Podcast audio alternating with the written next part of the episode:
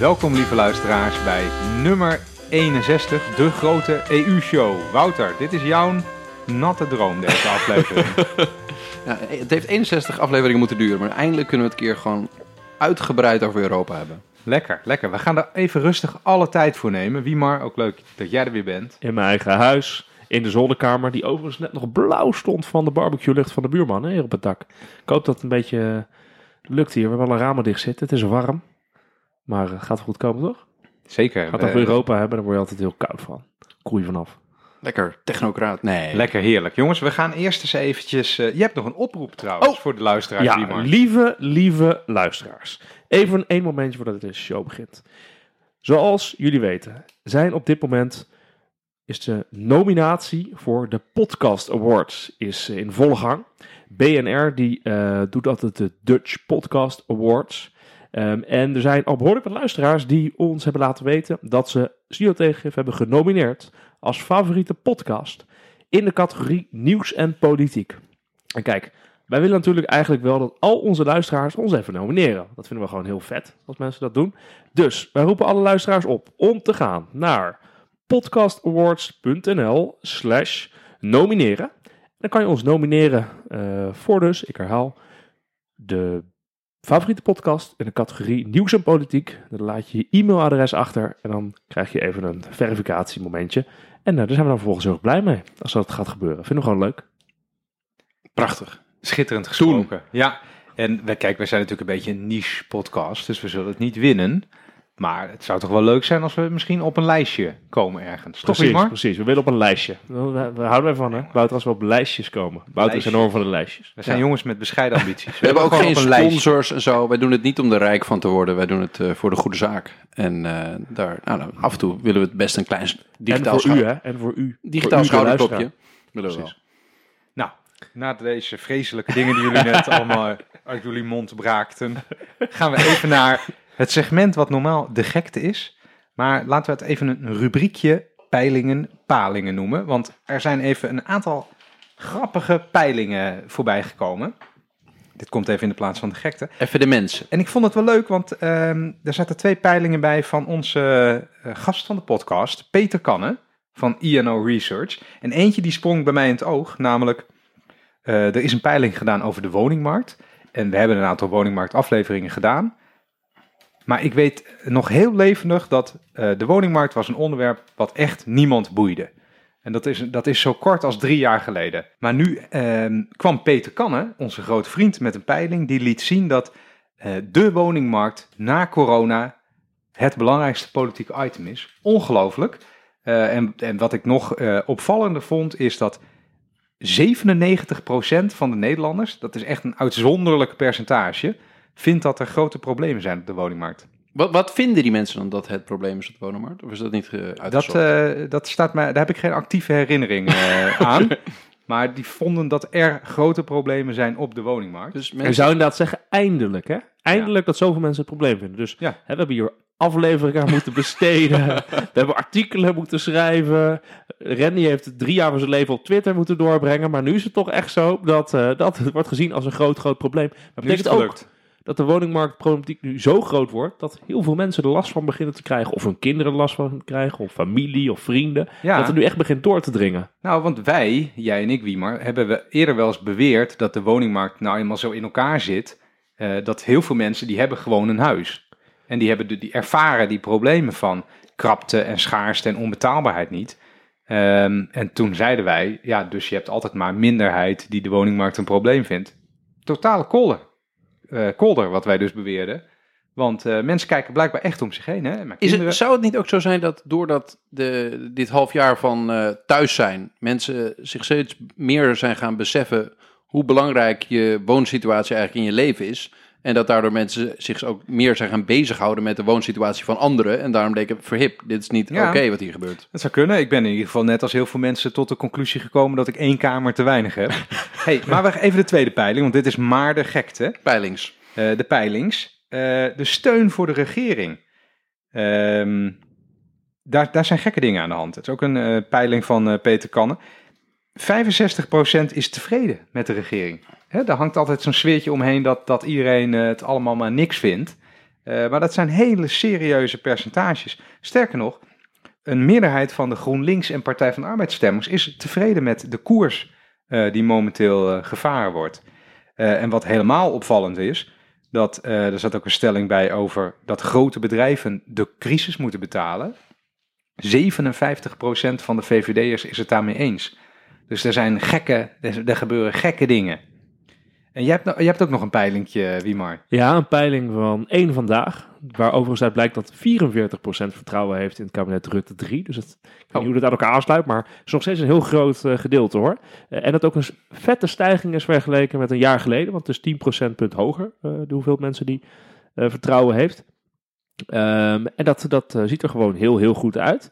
En wat interessant is dat ook wordt gekeken naar de meest populaire ministers, bewindspersonen. Dat is natuurlijk Rutte is heel populair en Hoekstra is heel populair. Ik denk dat het komt door zijn zeer, eh, noem je Dat zijn zwoele Zijn foto's. zwoele foto's. Dat is de dagzocht ik dat Ja, wordt. dat is nou, dit is nou het nadeel van een podcast, maar we hebben hier een fotootje.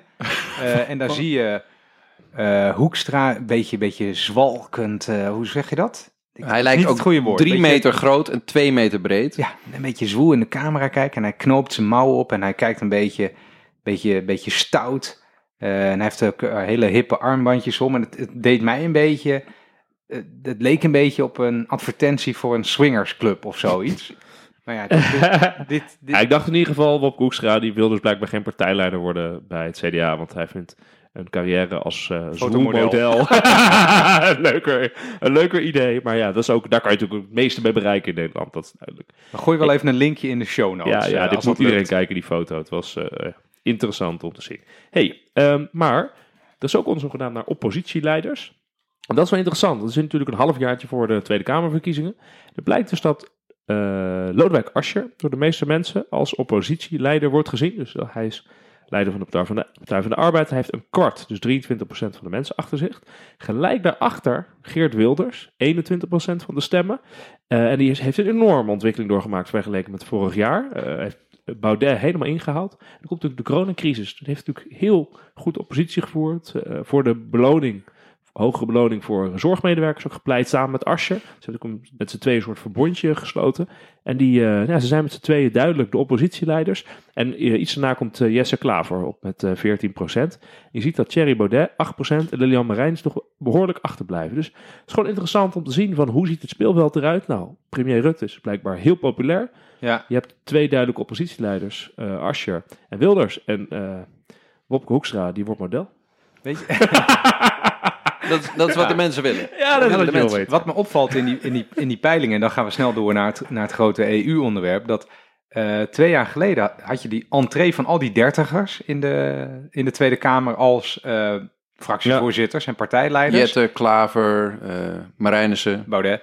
Baudetje. En dat Ja. is eigenlijk wel klaar. Die worden, die worden allemaal niet meer zo heel serieus genomen. Nou, dat, dat is natuurlijk niet zo. Het is vooral zo dat blijkbaar er nu behoefte is aan meer volwassen leiders. Hè, die gewoon wat ouder zijn. Dat is Volwassen. waarschijnlijk aan de hand. Ja, ja, volwassen dat. Ervaren. Ervaren leiders. Ja, Eh, In tijden van crisis is het gespeel wel afgelopen. Blijkbaar. Dus ik denk dat eh, het lijkt er zo op dat de dertigers gewoon nog een jaar of eh, vijf tot tien moeten wachten voordat ze zo populair zijn. Ja, het speelkwartiertje is voorbij blijkbaar. hey, we gaan eh, naar de EU. Wouter, ik eh ontkom er niet aan om jou als eerste eh jouw segmentje te laten doen. Ehm, en dat gaat over de Nederlandse haat-liefde. Gaan we uitle- uitleggen hoe we het gaan aanpakken? Eh, Nee, we gaan eerst, we gaan Ja? eerst een introductie doen. Ja. Wij waren op zoek naar een onderwerp voor deze podcast.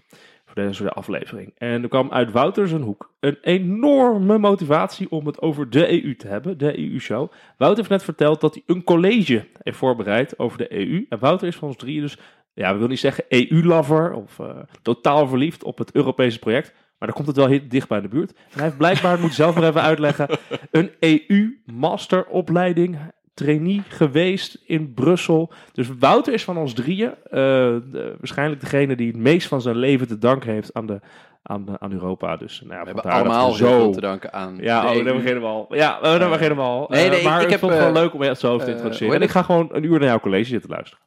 Ja, ja, je mag ook vragen stellen hoor. Dat is wel, eh, dat is oké. Nee, nee, nee. Ehm, nee, het leek mij heel interessant om een keer te praten over Europa en de EU en wat, er, wat dat nu voor belang heeft. Ehm, en ik, ik, ben, ik heb zelf ik heb een master in eh, Euroculture gedaan. Dat is eigenlijk een soort Europese politicologie, Europees recht en Europese cultuur.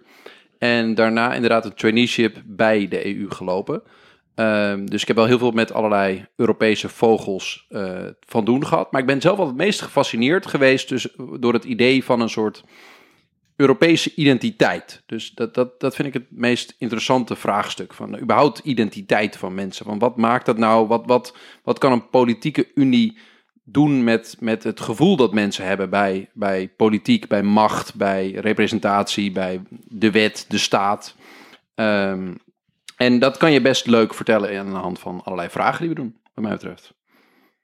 Ja, Ja, je kijkt er verlekkerd bij, Render. Die wordt nou, mooi. ik, heb, ik, ik, eh, ik was gewoon al. eh dat is een Geen heel, koopkrachtpraatjes, gewoon niet. Een heel mooi verhaal wat je net hield, maar ik ben gewoon helemaal in de war over. Ik dacht altijd dat jij historicus was. Daar heb ik ook, eh, heb ook een master geschiedenis, ja. Ja, en daarna manifesteerde je jezelf altijd als een soort ICT-deskundige. Ja, daar is ook een master in gedaan.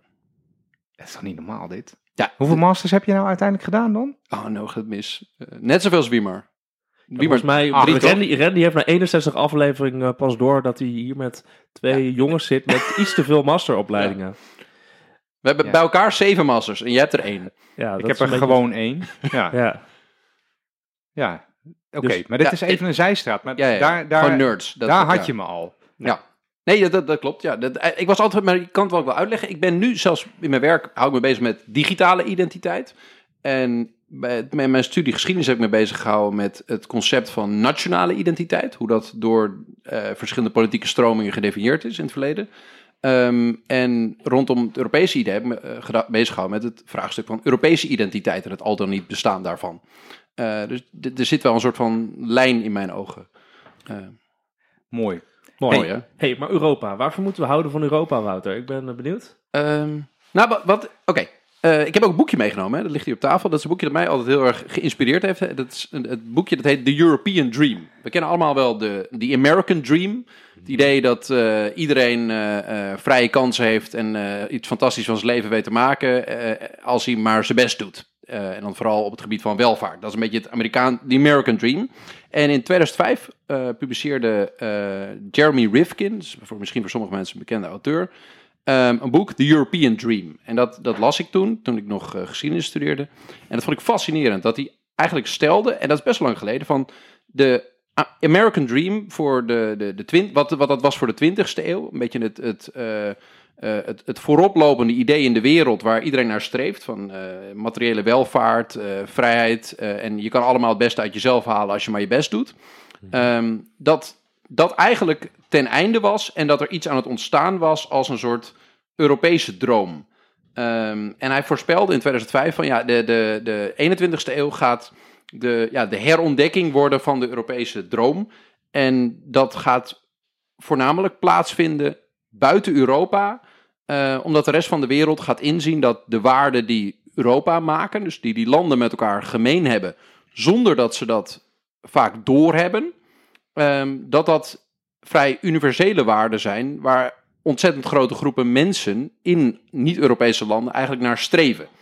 Ehm, dus dan heb je het over een goed functionerende eh, publieke sector, ehm, eh, een vrije markten zonder eh, protectionisme, een seculiere staat, een wantrouwen ten opzichte van de pure vrije markt, een lage acceptatie van geweld, ehm, eh, multilateralisme, dus een, een samenwerking tussen landen waarbij de samenwerking meer is dan het pure eigenbelang. Eigenlijk heel veel waarden die beschreven worden als een soort van de Europese droom ehm, dat eh, het collectief toch iets belangrijker is dan het pure individu en het individuele succes, waar de American Dream voor stond. En dit, deze Europese droom ehm, heeft mij altijd wel gefascineerd. En het idee van, oké, bestaat dat ook? Is, is dat er ook echt? Is er iets aan het borrelen wereldwijd dat zich manifesteert in de vorm van een soort European Dream die, je, ehm, die, die eigenlijk voor de hele wereld kan gaan gelden? Ja, want als je nu kritisch zou zijn, dan zou je zeggen: natuurlijk is er een soort Europese ook waardegemeenschap. En een geopolitiek blok is Europa Mhm. anders dan Amerika, China en dergelijke. Maar je ziet dat deze Europese droom blijkbaar niet door alle EU-landen is gedeeld of werd gedeeld. Bijvoorbeeld eh, het Verenigd Koninkrijk, Engeland, is er uitgestapt. Hè, uit de Europese Unie. En we zien volgens mij aan de oostgrens, als je wat dichterbij kijkt naar eh, Hongarije en dergelijke, dat je er ook kan afvragen of al deze waarden daar volledig worden nagestreefd. Dus hoe zou jij er dan naar, naar Nou, kijken? ehm, ik denk, de, een, een, ander, een ander boek dat, dat ik ook heel interessant vond, dat heet eh, Europeanism. Dat is een opvolger eigenlijk van die eh, European Dream. Dat was van een van mijn professoren. En dat Europeanism is eigenlijk een uitwerking van het idee van de European Dream. En dat stelt wel enige grenzen aan die Europese waarden. Ehm, daarin wordt namelijk gesteld dat ehm, er ook eh, dat die Europese waarden voornamelijk waar te nemen zijn in niet de United Kingdom en niet Oost-Europa. Ehm, en dan hebben we het over waarden als eh, die seculiere samenleving, eh, working to live en not living to work, multiculturalisme, multilateralisme, collectieve welvaart als, als hoogstaand doel in de maatschappij. En ik denk dat die waarden, dat, dat zie je vaak niet als je in Europa bent. Dat hoe, hoe belangrijk onze sociale welvaartsstaat wel niet is. En dat we dit als Nederland niet alleen hebben, maar dat alle continentale landen in Europa een heel belangrijk pensioenstelsel hebben, een collectief zorgstelsel hebben, een, eh, een, een stelsel van uitkeringen. Ehm, dus dat het collectieve welzijn relatief veel belangrijker is in deze landen dan in niet- niet-Europese landen, ook welvarende landen. Ehm, en ik denk dat wat we nu zien gebeuren is dat eh, doordat enerzijds Brexit heeft plaatsgevonden, dat er eh, sterk eh, zich ontwikkelde boze staten aan onze grenzen staan, met wat Turkije in, in Griekenland aan het doen is, waar ze heel duidelijk laten zien van, oké, wij hebben die waarden die jullie zo belangrijk achten in Europa, die hebben wij sowieso niet. Dus de respect voor de rechtsstaat. ehm, eh, en dat, ook, dat gebeurt ook in Wit-Rusland met Rusland. Dus eigenlijk ziet Europa Maar het gaat, zich... het gaat toch, ik ga even ook een beetje kritisch vragen stellen. Maar het Tuurlijk. gaat toch ook, het is toch niet zo dat, ehm het is toch zelfs binnen de Europese Unie dat er duidelijk landen zijn, landen zijn die niet meteen inderdaad eh, helemaal ontvankelijk zijn voor dit soort waarden. En je zegt inderdaad van oké, Verenigd Koninkrijk, heb je net genoemd, maar ook inderdaad Hongarije, Polen. Er zijn ook veel discussies over wat gebeurt daar met de Mhm. rechterlijke macht. Hè, wordt dat eh, volledig eh, beschermd? Is dat onafhankelijk wel of niet? Dus, dus zelfs al binnen de Europese Unie eh, is die waardegemeenschap wordt niet overal gevoeld. Kijk, dat het zo is inderdaad in, laten we zeggen, Nederland, Duitsland, België, Frankrijk, kan ik me heel goed voorstellen. Ook meer in de zuidelijke landen, maar eh, inderdaad richting het oosten en richting eh, het westen wordt het toch wel lastig, toch? Wa- Wat het spannende, denk ik, is, is de vraag of... Kijk, die, die landen, Hongarije en, en Polen, die zitten er sinds eh, 2005 bij, eh, bij de Europese Unie. En nou, die hebben natuurlijk een achterstand, omdat sinds da- daar in 89 de muur gevallen is en opeens een heel andere mindset. Ja. De mensen die daar nu voor het zeggen hebben, die hebben de, het communisme nog meegemaakt. Maar jij gelooft dus, dat, ik ga, je Ja. gelooft dus in de, in de, de olievlek eh, idee en in de, in de vooruitgang idee. Van dat- het moment dat je de Europese Unie met de waardegemeenschap, als je er steeds meer landen bij pakt, dan ga je die Oost-Europese landen ga je ook richting die waarden Ja, laten bewegen. Nu wil Randy wat zeggen volgens mij. Nee, maar, maar de- de- kijk, Wouter die is nu in de, rol, in de ongunstige rol Ja, ja, ja. beland van de superdeskundige Zeker, zeker, die zeker. over alles moet zeggen of het waar of niet waar Ik is. zeg gewoon wat je ervan vindt, man. Ja. Nou, mijn gevoel is dat ook voor Polen. Kijk, dat is een beetje lastig. Ik ben geen Polendeskundige. Maar ik heb toch het beeld dat alles in Europa graviteert wel toe, of trekt wel toe naar wat Wouter beschrijft. Ja. Dus die rechtsstaat, ja, staat een beetje onder druk in, eh, weet ik veel, Bulgarije en Polen en dat soort, eh, dat soort landen. Maar uiteindelijk is de rechtsstaat wel het model eh, waar iedereen zich tegen afmeet. Eh, en toen jij zei, ja, in Hongarije doen ze stoute dingen, zoiets zei je dan maar net anders. Dat klopt. Maar ondertussen de Hongaarse bevolking, die, Ja. daar zijn, daarvan zijn er de afgelopen tien jaar twee, van- twee van de 10 miljoen of zo, hè? Twee miljoen mensen gewoon geëmigreerd uit Hongarije. En die wonen nu elders in Europa. Dus ik denk wel dat je kan zeggen, oké, eh, je hebt eh, aan de randen van Europa heb je wat landen die eh, afwijkend gedrag vertonen. Ten Ja. opzichte van dit European Dream verhaal, wat Wouter net vertelt, van Jeremy Rifkin. Ehm, maar ja, dat is echt afwijkend. De kern zet een heel duidelijk model neer rond de verzorgingsstaat, rond die collectieve waarden, rond die rechtsstaat, rond democratie.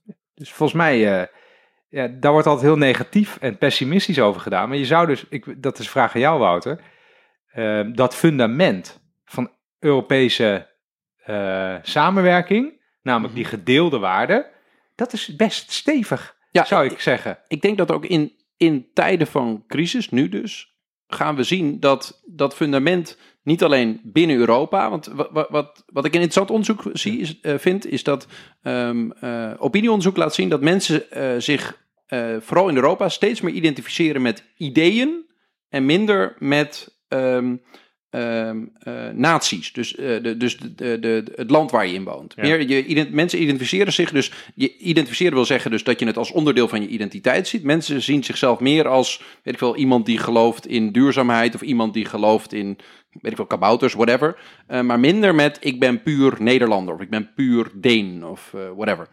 Um, en ik denk dat dat wel bijdraagt aan uh, het, het, dat dat er al is. En dat je nu ook nog zo'n crisis hebt waarbij je heel erg mee geconfronteerd wordt van... Oké, okay, die landen die niet die Europese waarden delen, daar gaat het echt loopt het uit de hand. En daar hebben ze reacties op deze coronacrisis die niet aansluiten bij mijn waardeset.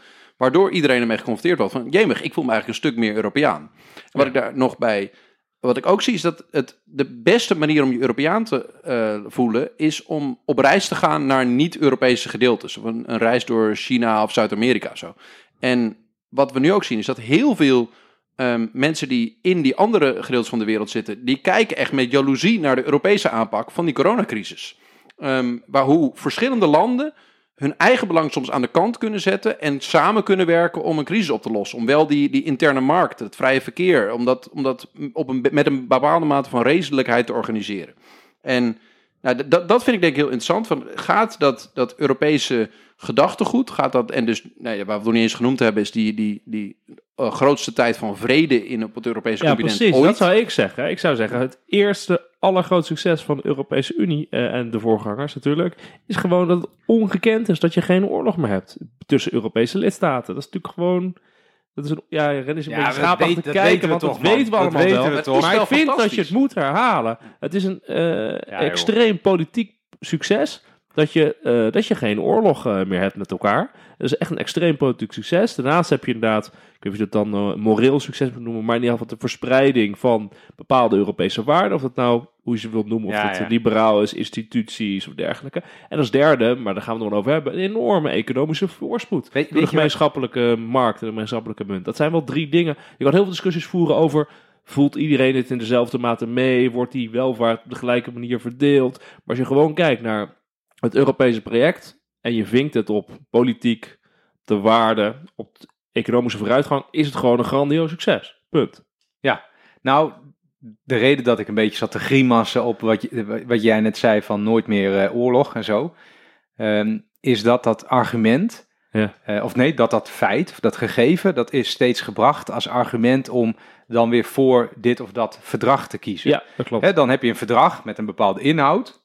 Die inhoud die kan, als je gewoon even hè, rationeel nadenkt, die kan goed of fout zijn. Of daar kun je een opvatting over vormen.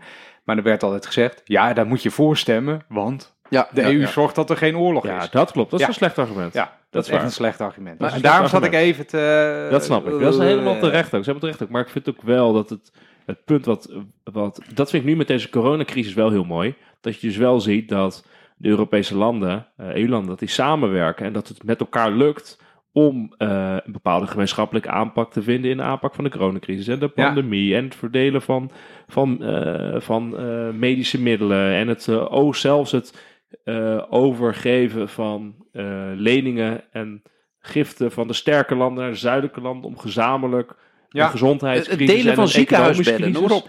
Ja. ja, economische crisis aan te pakken. Inderdaad, dat Nederland en Duitsland bedden gaan delen. Dat zou in andere landen ook wel gebeuren. Dat is ook ongekend. Dat is echt enorm. Klopt. Dat Ik heb, wat, ik heb wat, voordat we dat onderwerpje helemaal verlaten, heb ik nog wat leuke cijfertjes.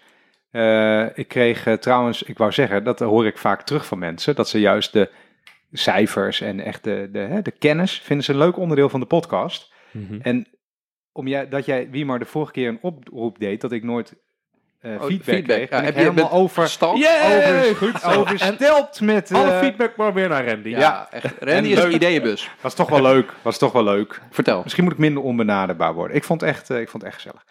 hey, percentage eh, mensen uit eh, EU-lidstaten die in het buitenland wonen. Dat is, dat is ook wel interessant hoor. Ehm, hier zie je dus bijvoorbeeld dat, eh, dat is dus heel veel, even waar we het al over hadden.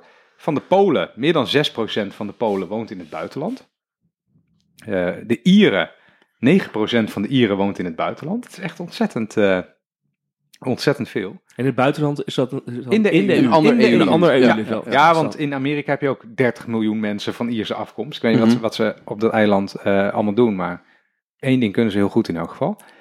Eh, maar in Le- Ga verder. Bulgarije, 10% van de Bulgaren woont in het buitenland. Eh, en er zitten al wat landjes tussen allemaal. Eh, en de kampioen is eh, Roemenië. 15% van de Roemenië woont in het buitenland. En dan kan je nog denken, oh ja, 15% dat is dus 85% niet. Maar dat, dit zijn dus alle jonge en gestudeerde mensen. Dat is trouwens ook wel een, een thema. Mhm. Ehm, maar dan kun je dus zeggen, die landen aan de, hè, aan de randen van de Unie, die zijn soms een beetje stout als het gaat om rechtsstaat. Maar hun jeugd, eh, die maakt een heel duidelijk andere keuze. Die zegt, nou, toedeledokie met die, eh, met die bende hier. Ik ga lekker naar Amsterdam of... Berlijn, hoppa. Nou, dat kan ik ook heel precies zeggen. dat is heel, dit, is een, dit is nog iets, daar ga je nog meer van horen. Waar gaan die mensen dan heen? Veruit de meeste gaan naar Duitsland. Maar de nummer twee daarachter is het Verenigd Koninkrijk. Ehm, daar eh, eh, staat even niet bij hoeveel er zijn, misschien als ik erop klik. Nee, die, er zijn dus miljoenen mensen naar het Verenigd Koninkrijk gegaan die zich nu eh, weer gaan verplaatsen. Dat is een interessant, een interessant fenomeen. Ehm, en in totaal heb je dus 17 miljoen EU-burgers die in een ander land wonen. Ja, ik vind het prachtig. Eh, ik, vind, ik vind het gedachte dat je kunt gaan wonen waar het jou goed dunkt. Ik denk ook dat reizen, wij, wij reizen, al het met de trein wat dan ook. ehm, eh, het, het, het voelt niet meer als naar het buitenland gaan. Ik heb ook in Duitsland gestudeerd en ik reis er altijd met de trein door heel Duitsland heen. Het, het voelde niet als een raar land. Maar waar, waarom ik eigenlijk die, die opmaat wilde maken met het verhaal over Europese identiteit en het gedachte, is dat als we de grote EU-show doen, Ja. dat mensen het heel vaak direct willen hebben over het bureaucratische project, de Europese Unie. En dat Nederland daar een soort haat-liefde verhouding mee heeft. En alle Nederlanders dat ook hebben. Dat Nederlanders gaan praten over.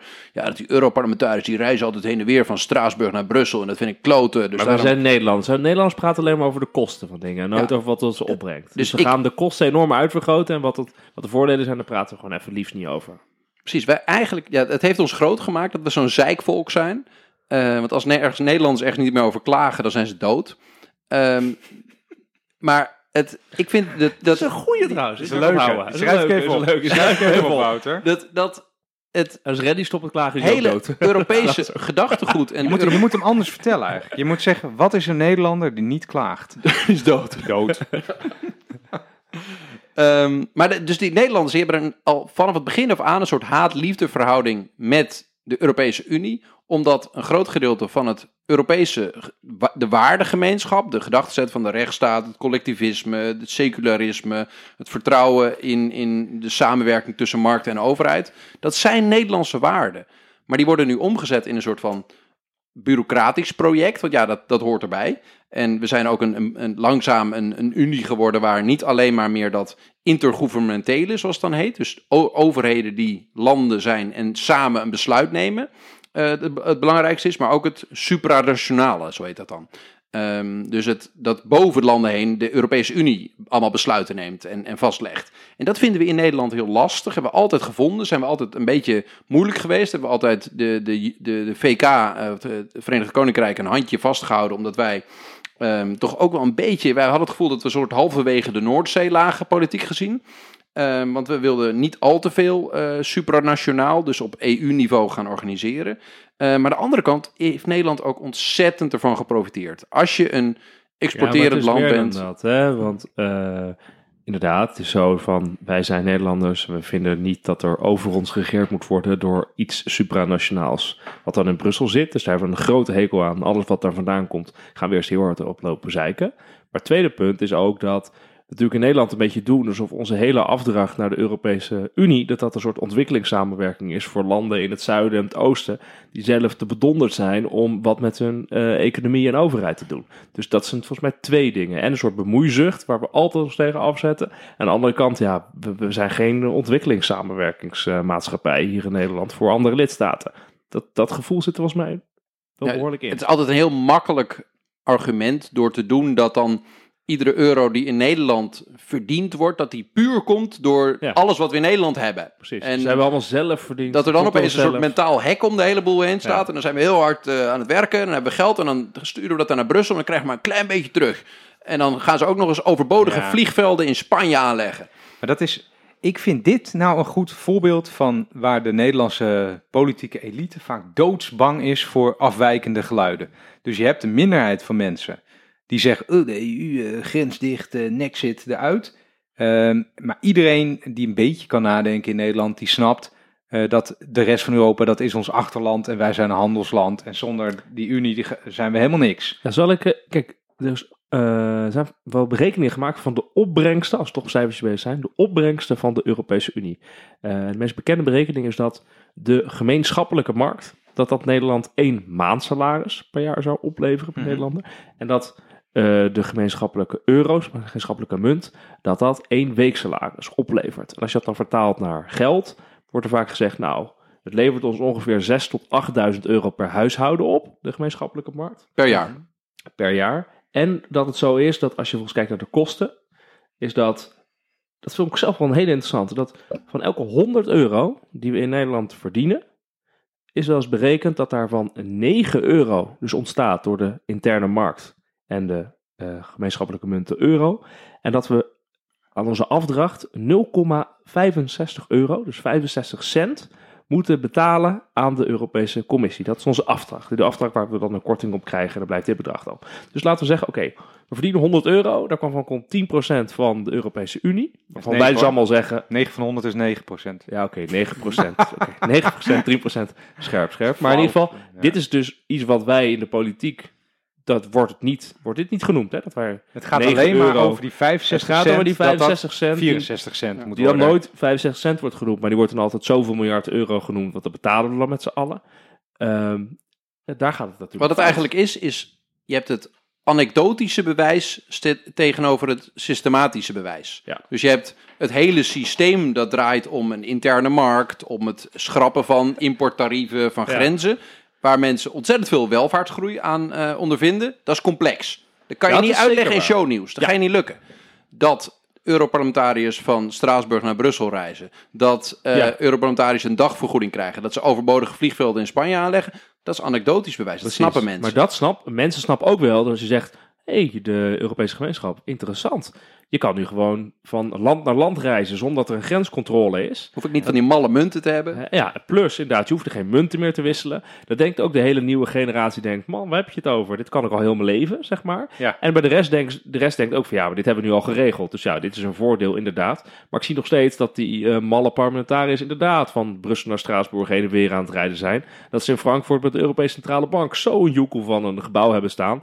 En dat ze nog veel, veel te veel verdienen daar bij En de ik snap Europese niet wat die Commissie. mensen doen. Wat doen ze? Hè? Dus dat, dat is wel gemakkelijk te hypen, dat Ja, hele gevoel. Plus, je had het over Verenigd Koninkrijk, Verenigd Koninkrijk, de arbeidsmigratie binnen de Europese Unie wordt natuurlijk ook wel flink op, op gepusht. Hè? Van, eh, van oké, we krijgen heel veel migranten van Oost-Europa, Zuid-Europa, en die komen allemaal hier naartoe. Wat is het allemaal heel lastig. Mhm. Dus dat zit ook een...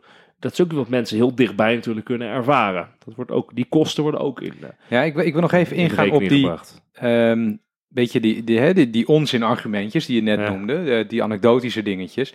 Mensen komen ook niet helemaal zelf tot die inzichten, maar eh, wat ook niet helpt, in, eh, zeker in het VK natuurlijk, die zijn er ook niet voor niks uit, maar ook in Nederland, dat er echt heel veel politici zijn die altijd heel graag schande spreken. En dat, er- dat er ergens een Kamerlid is dat zo zijn plekje op de lijst hè, wil, wil veiligstellen, dat snap ik wel. Maar ook de op regeringsniveau eh, worden dingen altijd maar afgeschoven op Brussel. Dat is natuurlijk al honderd keer gezegd, maar dat helpt allemaal niet. Nee, ik denk dat de, de, de overwerktheid en de beperkte capaciteit die veel van onze politici hebben, te maken heeft met het versimpelen van wat op het Europese niveau gebeurt. Als je weinig tijd hebt om ergens in te verdiepen, zul je altijd het anekdotische bewijs gebruiken en het, verhaal versimpelen. En wat ik, wat ik het ook heeft mee te maken heeft, die Nederlandse haat-liefdeverhouding met, met Brussel, is de spanning die er sowieso zit tussen representatie en competentie. Dus de, de EU kan hartstikke mooie, competente, complexe dingen doen. Als, eh, weet ik veel, een, een, een wetgeving over de interne markt, over hoe je handel drijft tussen alle landen. Dus tussen uh, 27, 28 landen. Uh, hoe je rondom bepaalde producten en diensten uh, een goede vrije markt kunt hebben. Um, dat, dat, kan, dat, is, dat is heel complex. Dus het gaat over competentie. In de woorden van Randy zouden dat technocraten zijn. Ja, maar, technocraten. Echt. Maar, maar technocraten goede technocraten. Hè, die hele ingewikkelde dingen doen die werken. Um, ja, maar wacht, en dus, dat heeft een spanning met representatie. Dus nee, voel ik mij gerepresenteerd door die technocraten? Ik, je, je, hoeft niet te schreeuwen. Voordat je verder gaat, bedoel je dan... Uh, ik ben even de eurocraat aan het worden. Nou, ik zie dat je helemaal rood in je gezicht hebt. Dat doen de eurocraten nooit. Die zijn altijd heel rustig. Ja, die praten ook zachtjes. Herman die fluisteren. Die fluisteren alleen maar. En die schrijven haiku's. Uh, maar bedoel je dan dat ze allemaal dat, dat uh, de EU zegt: oké, maar apparaten die je hier verkoopt, die moeten allemaal zo'n stekker hebben? Of wat bedoel je dan? Uh, nou ja, standaardisatie is inderdaad één van de elementen daarvan. Um, maar dat is vaak hoor je de, de vraagstukken over Um, weer de, het anekdotische bewijs, als dat de EU houdt zich bezig met hoe krom de, de banaan mag zijn of uh, hoe recht de komkommer moet zijn. Um, uh, maar daarin werkt juist het, uh, de, de consumentenbescherming over de grenzen heen heel positief. Dat je dus afspraken maakt van oké, wat er bij jullie in een, in een pot met pindakaas mag zitten, Um, zullen we afspreken dat we dezelfde eisen stellen, zodat we concurrentie hebben tussen de producenten van pindakaas? Dat is hartstikke handig. Um, en ja, dat, dat gaat niet alleen om pindakaas, maar dat gaat om bijna alles wat we gebruiken qua diensten en producten. Um, maar dat is ingewikkeld en saai. En als het gaat, politiek gaat dus enerzijds om competentie, dus, dus de uitoefening van, van bestuur en macht, maar aan de andere kant ook over representatie. Voelen mensen zich gerepresenteerd uh, door de, de macht die de regeltjes maakt die hun leven besturen? En dat op dat competentievlak is de EU, nou, ik heb er een beetje ingewerkt en dan, er zitten gewoon hartstikke slimme mensen. Zelfs nu in mijn werk komen er heel veel elementen van, van nou, verstandige ideeën, komt van het Europese Commissieniveau. Um, maar de, op een representatiegebied, dus het gevoel dat mensen erbij hebben van: oké, ik heb misschien wel een beetje wat van die gedeelde Europese waarden, maar voel ik mij door de mensen die daar zitten, door Brussel, zoals het vaak wordt gezegd, ook gerepresenteerd? Nee, dat niet. Ik denk dat de gemiddelde Nederlander kan één of nul Europarlementariërs opnoemen. Dat boeit niet, want mensen kennen ook geen Kamer. Ja, maar dat, dat, oh. bij, bij die representatie is het dus zo dat um, ook de nationale politici, die hebben weinig belang erbij dat wij die representatie iets meer gaan voelen. Um, vaak komt, je kent het alloude, wat, ze vaak noemen, is van dat, heeft Brussel bepaald. Terwijl het hoogste orgaan binnen de Europese uh, machtsblokken, dat is de Europese Raad. Dat zijn de regeringsleiders die overal een chap opzetten. Um, dus heel vaak is het zo dat wij in Nederland lopen en zeggen, ja, dat heeft Brussel besloten. Nee, ho, ho. Jullie mensen waren daarbij en die hebben hun handtekening gezet en die hebben, zijn gewoon akkoord gegaan. En die zeggen nu, als het even niet uitkomt, dat Brussel het besloten heeft. Dus dat gevoel van enerzijds dat er dus wel misschien competente dingen gebeuren, maar dat die representatie er niet is, wordt ook tegengewerkt doordat, ja, dat is gewoon niet in het belang van de mensen die hier in Den Haag de dienst uitmaken. Nou, ik, ik uh, las iets heel interessants in het NRC. Je noemde dat ook al in de, in de voorbespreking. Een artikel van Caroline de Gruiter, als ik het, uh, als ik het goed zeg. Um, en die wees erop, die verbond dat aan de coronacrisis overigens, want die zei, ja, nu ontstaat er toch iets van een Europees gevoel, omdat uh, mensen zien en uh, voelen dat de Europese Unie um, ons beschermt tegen al die ruwe machten in de wereld van China en Amerika. Um, en dat dat, dat dat toch wel ook voor hè, mensen die allemaal wat sceptisch zijn, wel voor zich spreekt dat een landje als Nederland of uh, Letland niet in zijn eentje het kan opnemen tegen China, Amerika, Rusland, et cetera. Um, en ik, heb, ik denk toch wel dat mensen daar een soort goed gevoel bij krijgen. En uh, dat hoeft dan niet eens via de EU te komen, want um, mensen die het nieuws uh, misschien een beetje gevolgd hebben, die weten dat uh, Turkije de laatste ja. tijd een beetje met, met bootjes door Griekse wateren ging varen en dan een beetje kijken of ze daar olie en gas konden, of gas ging het om, gas kunnen boren. Um, en toen kwam, uh, toen kwam Frankrijk een beetje langs zij. Die zeiden, ho, ho, hè, dit, uh, dit gaat hier niet gebeuren. Uh, alle Europeanen die, die, die zijn hier verenigd in het verdedigen van de belangen van Griekenland. En de Gruiter die schrijft dus ook in haar stuk van... Nu ontstaat ook een soort duidelijkheid van... Waar houdt Europa ja, op? Ja, Want als je niet kan zeggen waar het ophoudt... Hè, is, het, is het bij Polen of is het bij Rusland... of kan zelfs Turkije lid worden... Ehm, maar nu wordt duidelijk, Europa houdt op in de Egeïsche Zee. Hè? Daar, eh, daar houdt het op en daar begint eh, het oosten, Ja, Turkije. in die zin is het natuurlijk nu goed voor de Europese samenwerking dat er gemeenschappelijke vijanden zijn. Hè? Er is nu een coronacrisis, een pandemie. Die kan je alleen maar met z'n allen bestrijden. Dat weet ook iedereen. Dat snapt ook elke Ja. normale burger. Die snapt dat. Dus die snapt ook van er wordt ook natuurlijk moeten regeringsleiders overleggen en met steunpakketten komen op een of andere manier. En er moet geld naar de zorg en we moeten gezamenlijk met een vaccin aan de gang.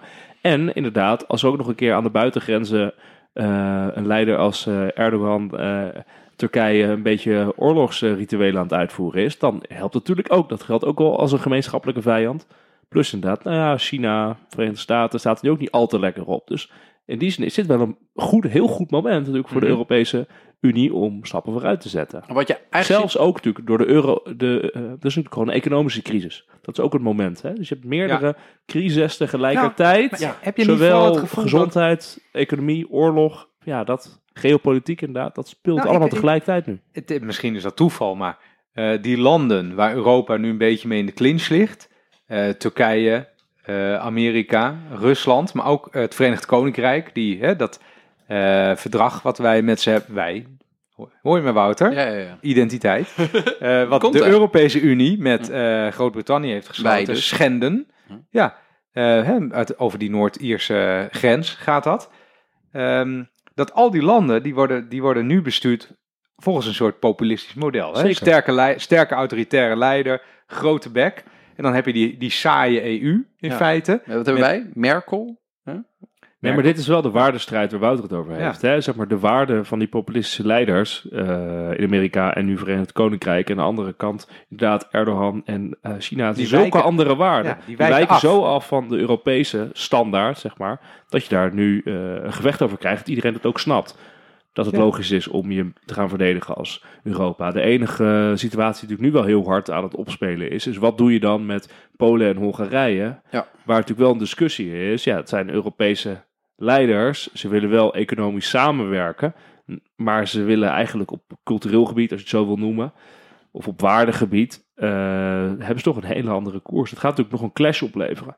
Maar wat, wat je dan dus eigenlijk ziet, is dat rondom identiteit, identiteit gaat eigenlijk altijd over ehm, hetgeen dat hetzelfde is. Komt van het woord idem ook. Ehm, en Europa heeft heel lang een soort van universalistische of cosmopolitische waarden nagestreefd. En doordat er nu een immense crisis is, doordat er aan de grenzen allerlei landen zijn die het helemaal anders doen, dus waar we duidelijk niet bij horen, is er een soort van, ja, de ander heeft zich kenbaar gemaakt. Van oké, daar houdt het dus op hoe ze doen op de manier zoals wij doen. Dat is heel duidelijk geworden. En, en er is, heeft één groepje gezegd van nou wij doen niet meer mee. Dat is ook heel duidelijk. Die zijn ook niet meer op, van ons. En de grootste vrienden aan de andere kant van de zee, die zijn gek geworden. Dus het is heel duidelijk geworden van oké, wij zijn nu schijnbaar in tijden van crisis leer je vrienden kennen. En nou, dit zijn onze vrienden. Ehm, en ik denk dat dat in Nederland ervoor gaat zorgen dat de haat-liefdeverhouding al- die we altijd met een beetje met het Europese project hadden, steeds meer richting een soort van liefdeverhouding gaat, gaat worden. En ik, ik denk ook zelfs de, dat de anti-EU-verhalen bij de komende verkiezingen, nou, dat, dat wordt dan lastig om dat vol te houden. Ehm, Ja, betekent Ja. dat, Wouter, dat we dan nu dan eindelijk uit die, uit die, eh, die, die debiele schijntegenstelling komen dat je voor of tegen Europa bent? Waar, waar toch heel vaak een beetje op neerkwam. D60 Ja, ik denk- voor Europa. ik, ik ben heel benieuwd of dat nog in de, hoe heet het, de, de verkiezingspeilingwijzer terug gaat komen. Zo. Misschien moeten we naar of het Europese project een, eh, met jouw vraag eigenlijk. Is dat een eh, Nou, mooie... Dit is ook een goed moment om even te introduceren dat wij wat vragen hebben gesteld over eh, dit Europese project. En de eerste vraag ging dus over de haat-liefdeverhouding en de Europese identiteit. En een tweede vraag, ja lekker, laten we nog een raadlertje atten, Wouter. Wouter die wijst heel subtiel eh, naar, de, eh, me- naar de raadlertjes. Wij, mensen, lieve mensen, wij bezatten ons helemaal terwijl we Precies, het is hier zo warm. We hebben ijskoude raad nodig. ijskoude, lekker ijskoud raadletje wordt mij nu aangereikt. De tweede vraag was, ehm, gaat over neoliberalisme, toch iets wat we altijd aanstippen. Eh, zit dat nou ingebakken in de EU en wat betekent dat eh, voor het lange termijn perspectief van het Europese project? Een vraagje van Wiemar is dan, komt het goed met eh, de euro en wat zijn de voordelen van de EU? Daar heb je net eigenlijk al wat over verteld. Ehm, nog een vraagje, waarom niet meer zonder de EU kunnen? We, we, we maaien onszelf toch wel een beetje het gras voor de voeten weg, constateer ik nu ik deze vraag oplees. En eentje waar we, waar we dan wellicht mee gaan afsluiten, het vluchtelingenprobleem. Kamp Moria is natuurlijk eh, eh, afgebrand en die mensen die slapen nog steeds eh, langs de kant van de weg daar. Wat eh, betekent dit eh, voor de EU? Ja,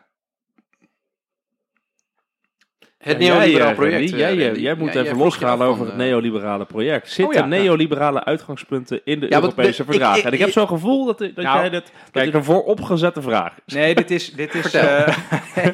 dit is zeker een vooropgezette vraag, want het punt is eh, ja. Hè, we hebben het hier ook wel eens over gehad, dus ik ga er niet helemaal opnieuw intreden. Ehm, alleen ik wilde, een, ik wilde een ander punt over maken, maar het zal het eerst een beetje uitleggen. Mhm. Ehm, het neoliberale eh, marktdenken. Wat is dat? Nou, het, het neoliberalisme zou ik omschrijven als het idee dat het marktmechanisme zowel de economie als de samenleving moet ordenen. En dat andere ordeningsmechanismes zoals eh, cultuur, maatschappelijke normen en politiek daaraan ondergeschikt zijn. Dus de markt boven alles. Ehm, maar dat zit dus, eh, dat, dat is even een tussenstapje in het argument wat ik wil maken, dat zit ingebakken in de Europese verdragen. Eh, en dat zie je ook als je naar bijvoorbeeld Italiaanse populisten luistert, die zeggen wij willen terug naar het Europa van voor het verdrag van Maastricht. Hè, wat getekend is in het gouvernement in eh, Maastricht. Dat is een mooie zaal eh, trouwens. Ehm, want wat staat er dan in het, eh, in het verdrag van Maastricht? Ik noem even drie, eh, drie bepalingen of drie artikelen op. Er staat bijvoorbeeld dat er disciplinaire maatregelen tegen lidstaten kunnen worden getroffen als ze een buitensporig tekort hebben op de begroting.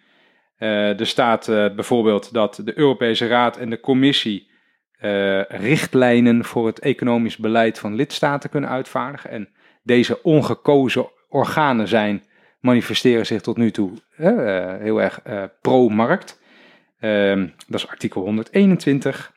Dat van die disciplinaire maatregelen is artikel 126. Zoek het na, zou ik zeggen. Niemand doet dat. Een stukje En dan wetgeving voor heb je ook nog artikel 81 van het verdrag van Maastricht.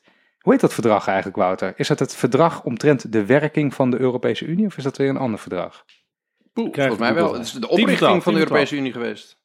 Even een 10 voor 12 momentje. Dan vertel, ik, Wikipedia. dan vertel ik ondertussen wat er in artikel 81 staat, namelijk dat eh, lidstaten niet in de economie mogen interveneren voor zover dat de handel met andere lidstaten beïnvloedt.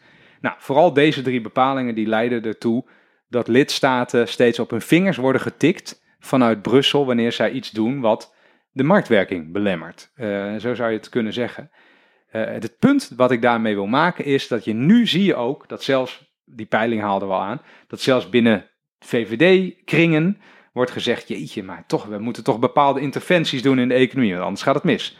Je hebt het eh, Wopke Wiebes Fonds. Ik denk eh, dat dat een paar jaar geleden niet eh, door die toets van de Europese Commissie heen zou komen. Hè? Die zouden zeggen, sorry maar lieve mensen, je mag niet geld lenen op de financiële markten om En in die zin is er nu natuurlijk wel echt een kantelmoment door de coronacrisis, de economische crisis. Want die 3% tekortnorm, Die waar je niet overheen mag. gegooid. Ja, Ja. Waar niet de 3% tekortnorm en 60% Ja. staatsschuldnorm, die zijn nu gewoon voor twee jaar uit het raam gegooid. De kans dat je er echt naar terug gaat lijkt me behoorlijk klein, want de schulden en tekorten gaan enorm oplopen de komende jaren.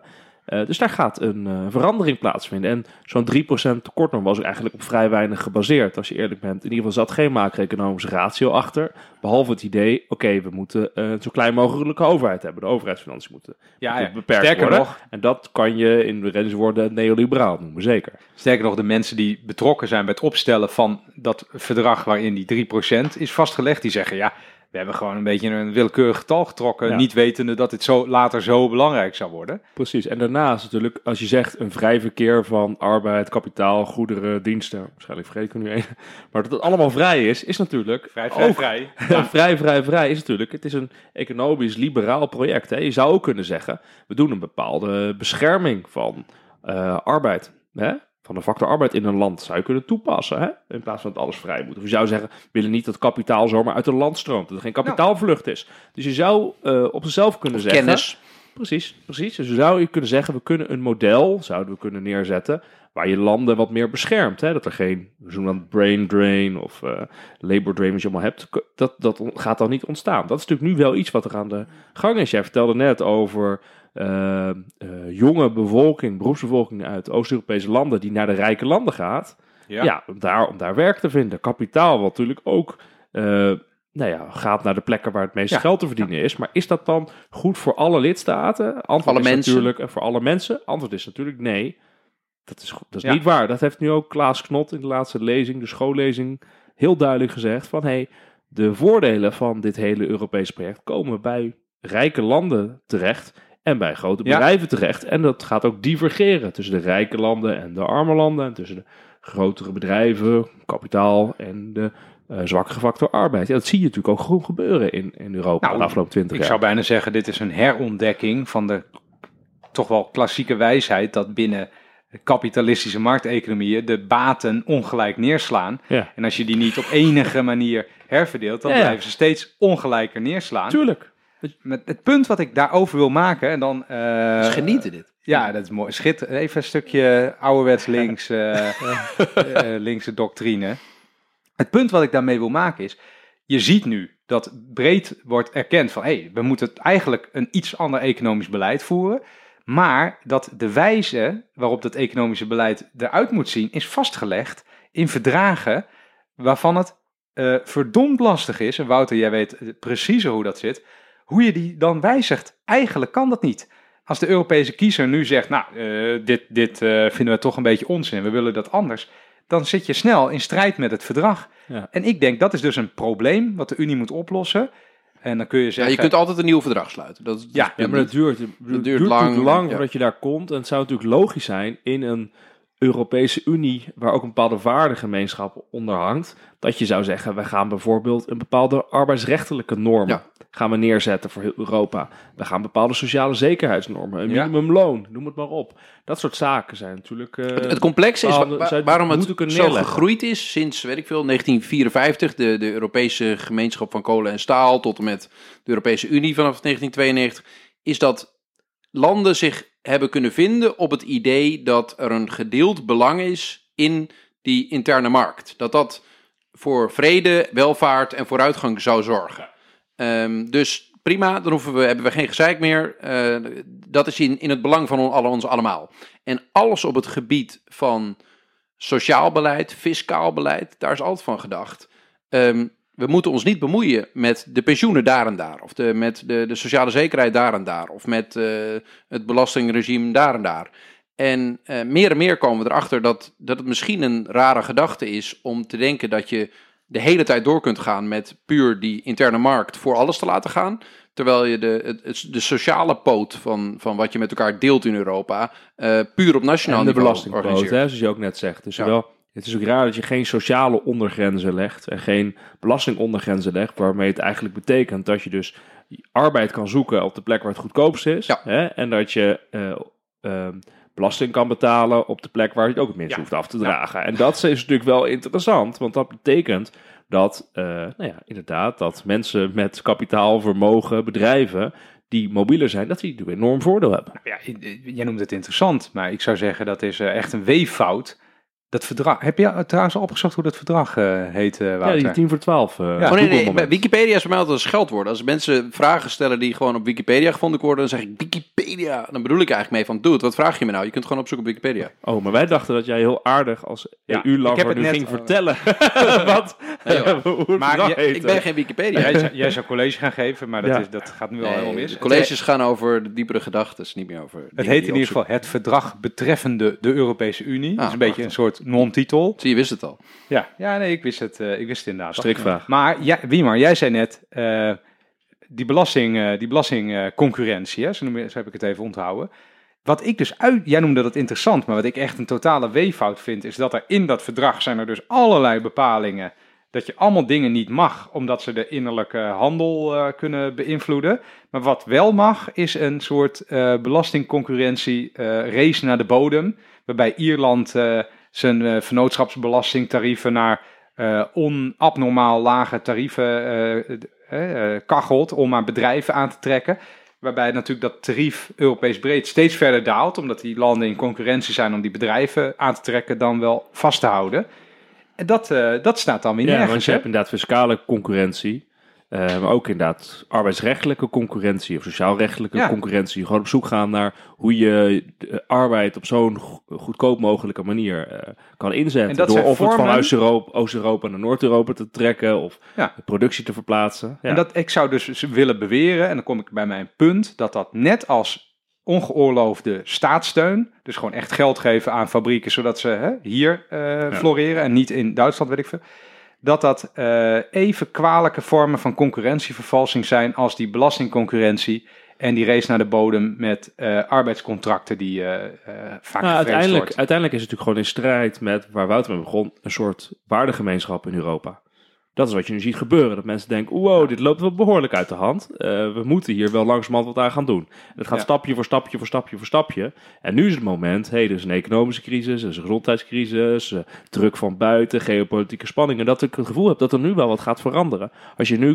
Het is natuurlijk wel interessant dat de nieuwe eh, commissie bijvoorbeeld op de vergroening van de economie enorme voorstellen doet. Ja. En je moet niet verbaasd zijn als er op gebied van inderdaad belasting, eh, belastingbeleid en ook sociaal beleid, als er echt wat gaat komen van deze commissie. En dat het gesteund gaat worden. Want ja, dat moment is nu wel. echt immens verhoogd van deze commissie. En er is bijna gewoon consensus dat dat oké is. En, en wat ik erin terugzie is eigenlijk dat die... Ja, die maar hier waar- heb je geen geld voor nodig. Hè? Dit zijn, eigenlijk is het gewoon wetgeving. Nou, Dus voor dit die zijn Green Deal, dat, dat gaat niet gratis. Ja, nee, dat klopt. Maar als jij eh, op fiscaal beleid een Ja. bepaalde ondergrens wil leggen en op sociaal arbeidsrechtelijk een Dat bepaalde ondergrens wil leggen, het zijn gewoon afspraken die moet Ja. maken. Het enige probleem is natuurlijk dat, nou ja, dat er bepaalde landen zijn die een duidelijk nadeel ondervinden op het moment dat je dat soort afspraken gaat maken. Nou, stiekem voel ik me eigenlijk een beetje bevestigd in, weet ik veel, mijn European Dream, die dan... eh het idee dat er dus Europese waarden zijn die herkenbaar zijn ten opzichte van de waarden die in de rest van de wereld leven. En dan heb je het onder andere over een soort van collectieve verantwoordelijkheid voor ieders welzijn. En dat we er met z'n allen achter komen dat het eh, welzijn puur baseren op een soort interne markt, en dat is de religie en daarvoor moet alles wijken, dat het niet gaat werken. En dat eigenlijk in ieder Europees land de mensen tot de realisatie komen van nou, misschien is dat geen goed idee. En dat we hebben gezien bij de vorige crisis en de enorme eh, bezuinigingsagenda die Griekenland moest doorvoeren, wees 3% en 60%, dat dat tot zulke erbarmelijke sociale omstandigheden leidt en ook geen economische vooruitgang, dat je denkt, ja, dit kunnen we niet nog een keer maken. Dat zie je nu ook in deze crisis. Hè. We gaan dit niet Italië, Spanje, Portugal De crisis opleggen. niet wegbezuinigen. Gaan we niet doen. Eh, dus in die zin Nee. is het wel het moment om echt te veranderen. Gelukkig, laten we dat gaan doen. Ik denk hoe verder die. We hebben twee eh, leuke afleveringen gemaakt over de Griekenland-crisis. Hè? Toen hebben we immers die boeken van Varoufakis En en, Dijsselbloem. eh, Dijsselbloem gelezen. Leuke afleveringen, zou je echt nog een keer terug kunnen luisteren. Maar hoe langer die Griekenland-crisis geleden is, hoe meer eh, toch voor mij de conclusie inzinkt van. Dat was gewoon helemaal fout wat daar Ja. is gebeurd. Dat was gewoon echt een misser van je welste. Maar de, het was nu het interessant dat ze daar dus nu in Brussel, maar zo te noemen, ook achter zijn. Ja. Dus je kijkt naar alle eigen eh, evaluatierapporten, onderzoeken naar hoe hebben we dit aangepakt, wat moeten we met de begrotingsnormen doen, is dat we besef wel heel hard ingedaald. En is dat nu ook een van de redenen waarom er zo anders eh, gereageerd wordt. En dat er nu bijvoorbeeld zo'n enorme, eh, het wordt natuurlijk gewoon een enorme overdracht van 750 miljard euro afgesproken hè, van de noordelijke lidstaten naar de zuidelijke lidstaten. Met die giften 390 miljard en de 360 miljard leningen. Dat is natuurlijk enorme bedragen eh, die, waarvan wordt gezegd, ja, dit hebben we toch wel nodig om met elkaar eh, het overeind te houden. Nou, dat is, daar kunnen we ook nog wel even op ingaan, want dat is, dat is een, een tweede weeffout Ja. binnen de Unie. Dat binnen zo'n monetaire Unie stroomt het geld naar de meest economisch krachtige gebieden, dus naar ons toe. Ja, dat Ja. eh, wist vooraf iedere econoom. Nou, Ja. Dat, ja precies, zo werkt het. Ehm, dat heeft met productiviteitsverschillen te maken en dan stroomt de, de liquide middelen stromen naar de meest productieve punt toe. En dat zijn wij bijvoorbeeld. Hè? Dus wij denken, oh, niks aan de hand. Het geld eh, komt van alle kanten op ons af. Ja. Maar uiteindelijk moet je dan iets doen in die gebieden waar het eh, verdwijnt. En dat is dus niet voorbehouden aan eh, Europa. Dat heb je ook in de Verenigde Staten. Heb je ook hele grote interne transfers eh, naar eh, minder productieve en dus armere staten. Maar dat is niet geregeld binnen de EU, behoudens wat heel, hele kleine subsidies voor arme regio's. Ja. Bij Nou, lange na niet reg- genoeg. het- het- je hebt allerlei fondsen voor regionale ontwikkeling en achtergestelde regio's. En bijvoorbeeld Oost-Groningen, Zuidoost-Drenthe en Limburg hebben ook een kantoortje van het Europees Fonds voor de Ja. Regio's. Maar dat is lang niet genoeg. En dat het gevolg daarvan is dat je periodiek hele grote transfers moet doen richting die landen. En die, heel lang zijn die impliciet gebeurd doordat die landen eh, goed, goedkoop konden lenen onder de paraplu van eh, de Europese Unie. Nou, dat, dat, die geschiedenis kennen we, dat is helemaal misgegaan. Eh, toen zijn heel veel leningen met, met extreem lage rentes op de lange baan geschoven. Dus dat zijn impliciete giften. Dat zijn stiekeme giften, zodat de kiezers in, eh, in eh, Nederland dat niet doorhebben. Nu gebeurt hetzelfde met dit fonds. Maar dat, dat gaat over, dat, dat zul je iedere paar jaar moeten doen. En iedere keer dat dat nodig is, zeggen kiezers in het Westen, die zeggen, wat is dit? Mijn geld gaat naar Italië. Ja, dat is- leg het maar eens uit. Een transferunie, waarom is dat nodig? Ga dat maar eens uitleggen aan de kiezers. Dat is natuurlijk onbegrijpelijk. Dat is gewoon dat is weer onbegrijpelijk. die- Dat gaan die kosten, hè? Dus die kosten zie je dan alleen maar. En wat je dat, wat je dat voordeel ervan is, dat is natuurlijk heel, heel beperkt, hè?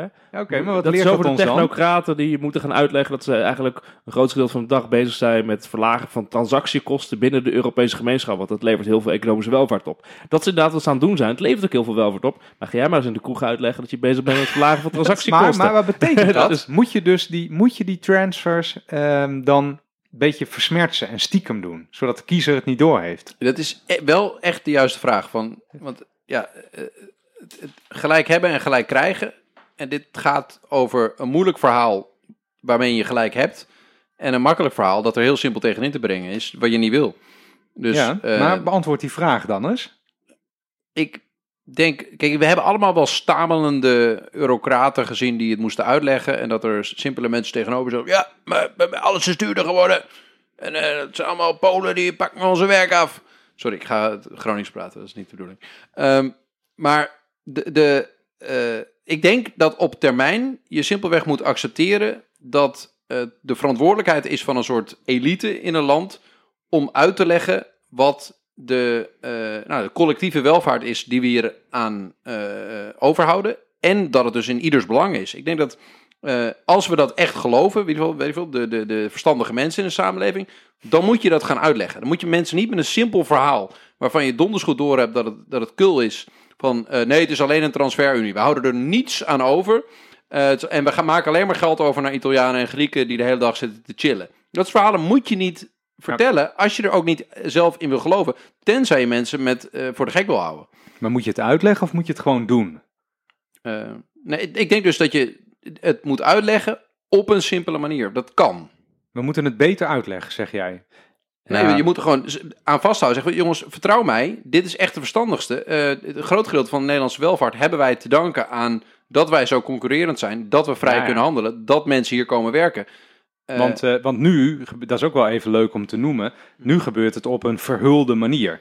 Dus wat er nu gebeurt, is dat de Europese Centrale Bank, die koopt schulden van Zuid-Europese landen op tegen rentes die duidelijk onder de marktrente liggen, via een soort schema eh, waarbij eerst banken Ja. in Italië en Spanje die eh, staatsobligaties opkopen en daarna de ECB, omdat het feitelijk in strijd is met, werken, eh, met het verdrag eh, over de werking van de ECB. Ja, maar moet je mensen dat al... Ik weet ook niet of je mensen dat allemaal moet gaan uitleggen. We leggen mensen in Nederland ook niet uit Nee, maar welke mate wel van transfers we doen naar Zuid-Limburg. Nee, maar wat wel interessant is, is dat dus... Ik kan er altijd zagrijnig om worden dat we in Europa technocraten hebben die eigenlijk gewoon heel de euro, het Europese project aan het redden zijn. Dus zoals Rennie zegt, de Europese Centrale Bank, die is gewoon al 10, 12 jaar allemaal geld naar zuidelijke lidstaten Ja. aan het pompen. Allemaal verdekt, eh, ziet bijna niemand wat van. En nu Europa, of in, in Nederland roepen we er heel hard, al onze pensioenen worden gekort. Dat is allemaal heel vervelend. Maar op het moment dat je ziet hoeveel steun er op die manier eigenlijk verhuld richting de, de zuidelijke landen gaat, omdat politici niet willen uitleggen dat je eigenlijk in een eurogemeenschap met één gemeenschappelijke eh, munt, met zwakke en sterke landen, dat je dus gewoon geld moet gaan overschrijven van de sterke landen naar de zuidelijke landen. Ja, dan gaan technocraten eh, gelukkig maar dat Europese project redden. Dus ik ben er wel, ik begin er wel te veranderen, want ik vind het vervelend dat politici er niet voor durven staan. Zou ik ook willen, zoals jij zegt. Aan de andere kant, Maar, maar Ga je dan wat, de stem- wat is jouw oplossing ga, nou, ga je uitleggen, ga je uitleggen dat, probeer eens uit te leggen dat de euro, dat dat een enorm voordeel is voor Nederland. Dat we één gemeenschappelijke munt hebben. Dat is jouw volgende dat- vraag, toch? Dat is mijn volgende vraag. Dat kan ik nu uitleggen. Ja? Maar je, bedoelt, het is een moeilijk het verhaal is en het lukt, me, moeilijk. het lukt me niet bij de bakker op de hoek. Of in de- Zeker niet. Sterker nog, ik heb er ooit een keer een column over geschreven. Ik had gezegd dat ik er eh, gewoon reclame voor ga maken. Dat heet De andere kant van de euro. Het grote voordeel van onze export. Een column bij RTL Z. Daar heb ik geprobeerd echt, eh, echt puntsgewijs uit te leggen waarom de euro voor Nederland enorm voordelig is. Dat heeft namelijk mee te maken dat Nederland extreem productief is ten opzichte van zuidelijke landen. Dat we één munt krijgen, waardoor we eh, de vaste wisselkoers hebben met de zuidelijke landen. En de zuidelijke landen kunnen ons eigenlijk alleen maar, eh, konden ons vroeger bijbenen door te zeggen, oeh, we lopen achter op Nederland, dan gaan we devalueren. Dus onze munt wordt minder waard. Dat kan niet meer, want we hebben nu één vaste Dus dan munt. zijn onze producten goedkoper. Ja, precies. Ehm, en doordat dat niet meer kan, is eigenlijk zeg maar twee opties. Namelijk één, of dus bijvoorbeeld in Italië zou je moeten zeggen, oh, ik kan niet devalueren met mijn munt. Wat kan ik dan wel doen als ik niet extern andere landen kan devalueren? Ik kan intern in mijn land mijn kosten devalueren. Hoe doe ik dat? Gewoon de arbeidskosten verlagen. Dus dan ga ik snijden in de pensioenen en de sociale zekerheid of de lonen verlagen. Nou, dat wil natuurlijk geen Italiaan uitleggen daar. Eh, dus dat is dan de andere laatste optie, om gewoon geld over te schrijven van Nederland naar eh, Italië, om dat verschil te dekken, zeg maar. Eh, ga, je dit, uitleggen dat Nederland hierdoor een exportwinst heeft gehad van volgens mij in de laatste tien jaar is van 50 miljard euro of zo, omdat wij zo'n voor ons eigenlijk veel te goedkope munt hebben, omdat we veel productiever zijn. Dat kan je niet uitleggen, joh, bij de bakker op de hoek. Nog, in deze column, als je hem rustig leest, de reactie erop was dat ongeveer tien hoogleraren economie in reacties zeiden dat ze dit heel lastig vonden, terwijl het standaard macro-economie is. Maar echt, dan denk ik, ja, als die het al niet snappen, dan hebben we wel een groot probleem. Het maar eens uitleggen. Maar als iets politicus. ingewikkeld is, is het altijd zo geweest dat er een soort van, weet ik veel, eh, elite de verantwoordelijkheid heeft Ja, moeten dus pakken nu- om uit te leggen hoe dingen in En elkaar wat er dus nu gebeurt, en dit vind ik dus echt eh, heel bijzonder, is dat binnen Europa is dus nu de Europese Centrale Bank, met voorheen Draghi en nu Lagarde, is gewoon met een enorm eh, rente- en opkoopprogramma gewoon de economie aan te redden. De euromunt aan het redden. En hier in? Nederland is op dit moment Mhm. vorige maand, een paar weken terug, Klaas Knot, dus, dus de president van de Nederlandse Bank, heeft hier de schoollezing gegeven waarin hij een eh, zeer, zeer positief verhaal over het Europese project vertelt. En ook dit precies zegt. De, eli- hij is dus dan elite, jouw Mhm. verhaal. Ja. Technocratische elite, want hij is geen politicus. Dat zegt dus ook alles. Die gaat dus vertellen waarom we zulke voordelen hebben aan de euro, eh, aan de gemeenschappelijke markt. En dat we eigenlijk nou ja, naar een permanente transferunie moeten gaan om dit allemaal op te lossen. Dat is wat er nu gebeurt. Dat, dat dus eh, technocraten in Brussel en in Nederland proberen uit te leggen: ja, we moeten hier echt stappen zetten en maar doorgaan. En lieve politici, ga alsjeblieft dat verhaal vertellen. Maar dat gebeurt niet, want politici vinden het allemaal heel lastig. Ja, dus vertel maar Wouter, ga jij dat verhaal vertellen dan bij de bakker? Nee, ik heb het al vaak genoeg gedaan. Eh, vrienden van mij weten dat ik eh, dit verhaal ook wel vertel als ik vijf bier op heb. Eh, Ja, maar daar gaat het natuurlijk niet om. Wat, wat, wat, wat je misschien wel kan constateren is het de facto beleid nu is dat eh, de Europese instituties zonder mandaat stiekem eh, toch die transfers aan het regelen zijn. Ehm, en als ik eerlijk ben, dan... Nou, eh, zonder mandaat. De, dat- die, de Europese Raad van Regeringsleiders weet dit allemaal. En gaat hier allemaal mee akkoord. Dat zijn dus de mensen die... ja, maar iedereen weet het is geen Waar wij op mandaat. gestemd dat, hebben. dat kan je ook eh, zeggen, eh, ik kan andere situaties noemen waarin iedereen het De wist. Europese Centrale Bank laat gewoon de Italiaanse Centrale Bank staatsobligaties van Italië Mhm. opkopen. Vrijwel onbeperkt door alle verdelingsregels eh, rammen ze heen. Met dus het idee, we moeten die rente in Italië drukken. En er mag geen enkel financieringsprobleem zijn van de Italiaanse staat op dit moment in de coronacrisis. Daar zit geen, er zit geen eh, expliciete goedkeuring op van Europese regeringsleiders hoor. Nee, dat is Dit is gewoon, gewoon gaan, Maar jij weet ook dat gaan als- en hopen dat je niet als die tegengehouden wordt. regerings... En die doen dat niet. Ja, dat is inderdaad. Maar als de regeringsleiders, als eh, Macron, Merkel eh, en Rutte hier herrie over gaan maken, dat ze dat kunnen doen. Die hebben, die, die hebben het mandaat om hier eh, voor te gaan liggen, om hier een ding van te maken. Nou, nee. Hoezo Nee. dan? Hoe dan? Omdat als die hier eh, eh, in de media en in zijn algemeenheid de, de, het, het mandaat pakken om daar Nou, voor ja, te gaan liggen, dan het- gaat dat niet meer gebeuren. Ja, dit is dus een interessante Eh. kwestie. Want ik snap dat als de bondskanselier van Duitsland samen met de president van Frankrijk iets in de media roept, Precies. dat dat dan impact heeft. Maar uiteindelijk kan de Europese Centrale Bank dit gewoon eh, doen. En overigens is het wel zo dat Merkel en eh, eh, Macron zijn op dit moment ook wel eh, enorm bezig om het Europese project te Ja. redden. Enorm. Wat, wat Merkel aan het doen is in de media en inderdaad steun geven aan al die transfers naar het zuiden. Zeggen we gaan geen niet de begrotingsregels naleven. Inderdaad niet de ECB op het matje roepen. Terwijl er Europe Duitse gerechtshoven zijn die zeggen... Oh, oh, Oh, dit hier? gaat allemaal een schending van, dit is allemaal een schending van het verdrag. Ze laten het allemaal lopen. En Macron doet het Ja. natuurlijk ook. Die neemt ook stappen vooruit. Dat is wel bijzonder. Maar het dat dus- is wat, zij, wat Merkel daarmee doet, is zij zet eigenlijk een soort van tegenbeeld neer ten opzichte van al die autoritaire leiders die claimen een groot mandaat te hebben van een soort homogene bevolking over de hele wereld. Ja. Zet zij een soort heel saai beeld neer van iemand die, die menswaardigheid, gelijkheid, eh, eh, openheid, eh, eh, collectiviteit eh, uitstraalt. En, en dat beeld van, jongens, we gaan dit samen doen en daar sta ik voor. Het is geen leuk verhaal, maar ik ben bereid het te vertellen. En jullie mogen me stom vinden, je mogen me uitschelden, maar ik doe uit oprechte overtuiging wat ik denk dat het beste is voor ons in Europa.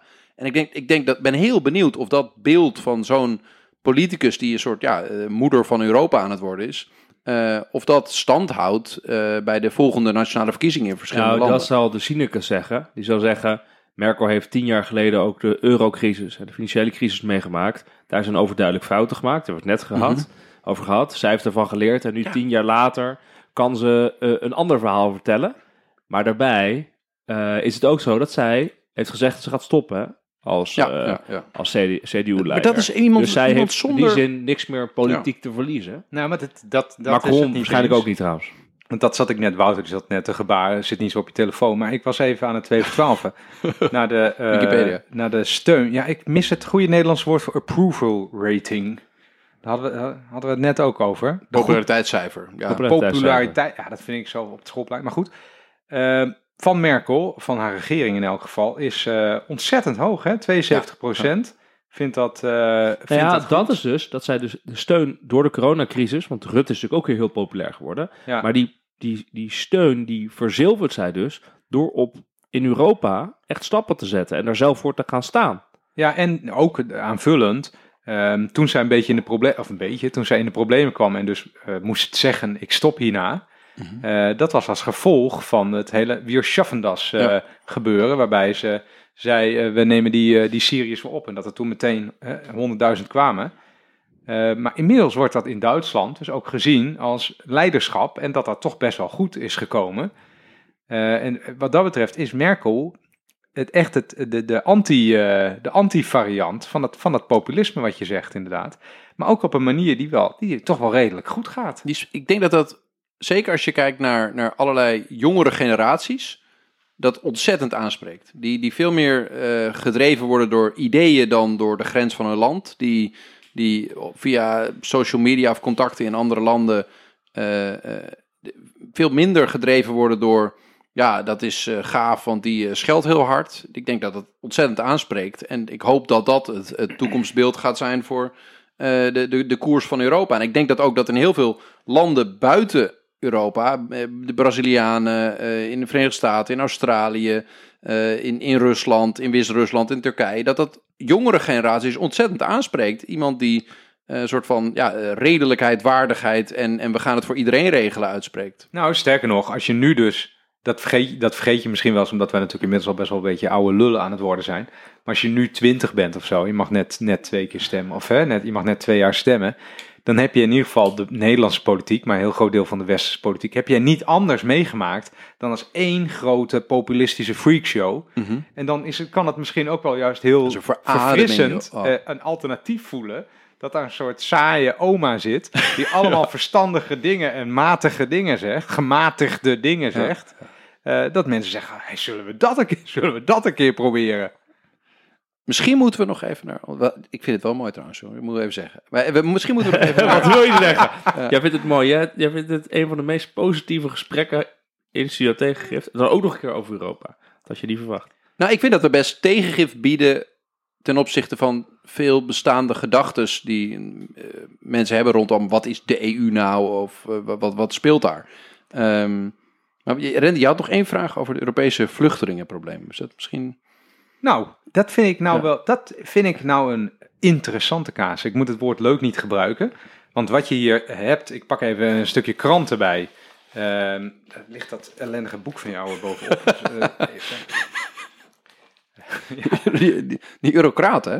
Het is toch, ik, ik, ik kan de neiging toch niet onderdrukken. Dat jij, heb jij ook weer om jou een beetje te pesten met jouw EU-liefde. en aan de andere kant zitten we zelf ook een soort lofzang op dat eh, project te doen. Maar goed, het vluchtelingenproject. Of het, eh, de vluchtelingencrisis. Het vluchtelingenproject.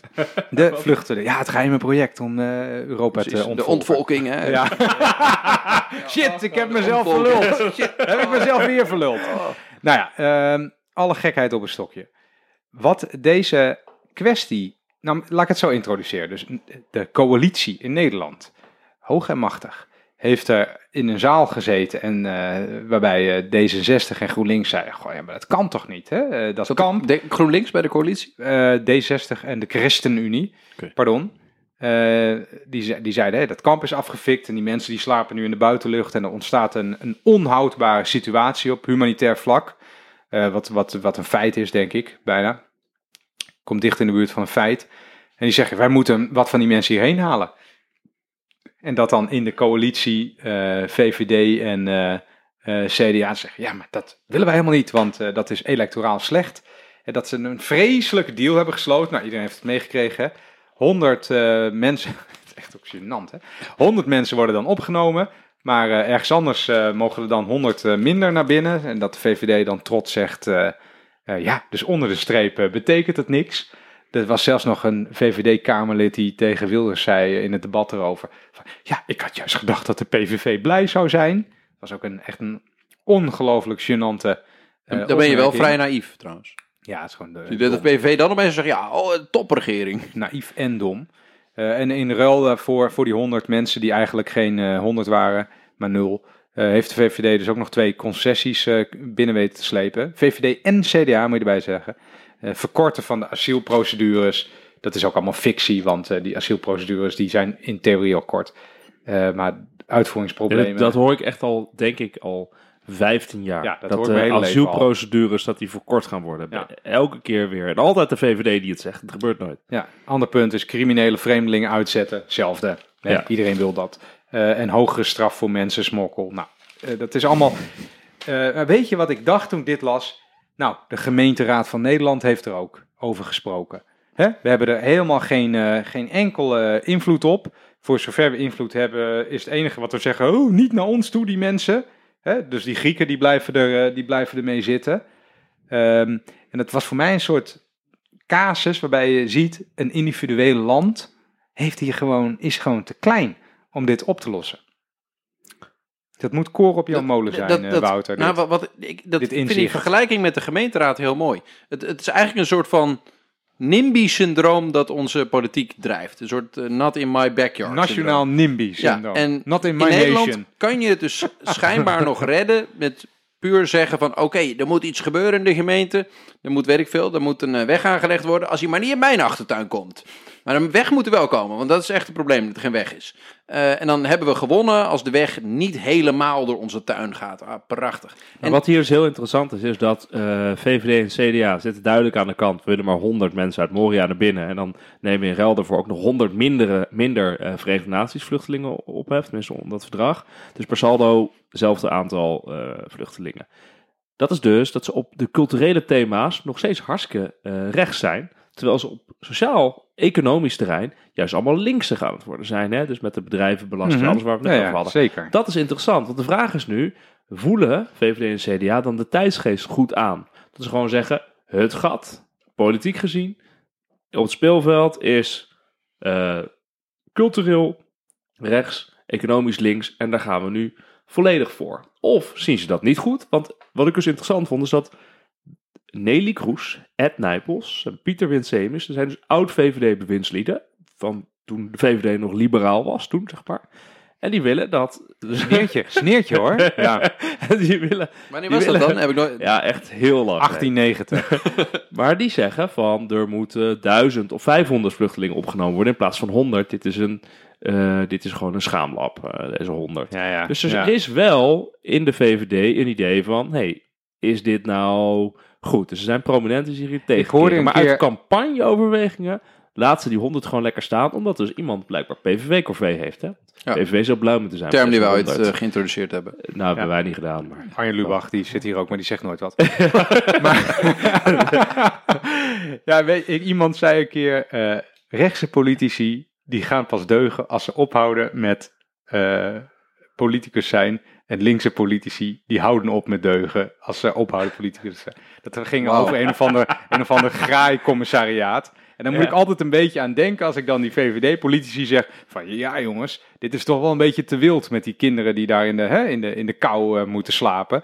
Want dan denk ik, ja, ehm, Maar- Maar het is wel zo dat in Nederland het zo is. Blijkt altijd dat al die eh, onderzoeken van het Sociaal Cultureel Planbureau, dus niet de Economenclub, maar de Sociaal Culturele Sociologische Club, die ziet altijd in alle bevolkingspeilingen dat er in Nederland echt een enorme steun is voor het binnenlaten van vluchtelingen. echte echt in de vooruit vluchtelingen. Ja. Ja, dat daar een enorm draagvlak voor is. Dat Nederlanders dat heel graag willen.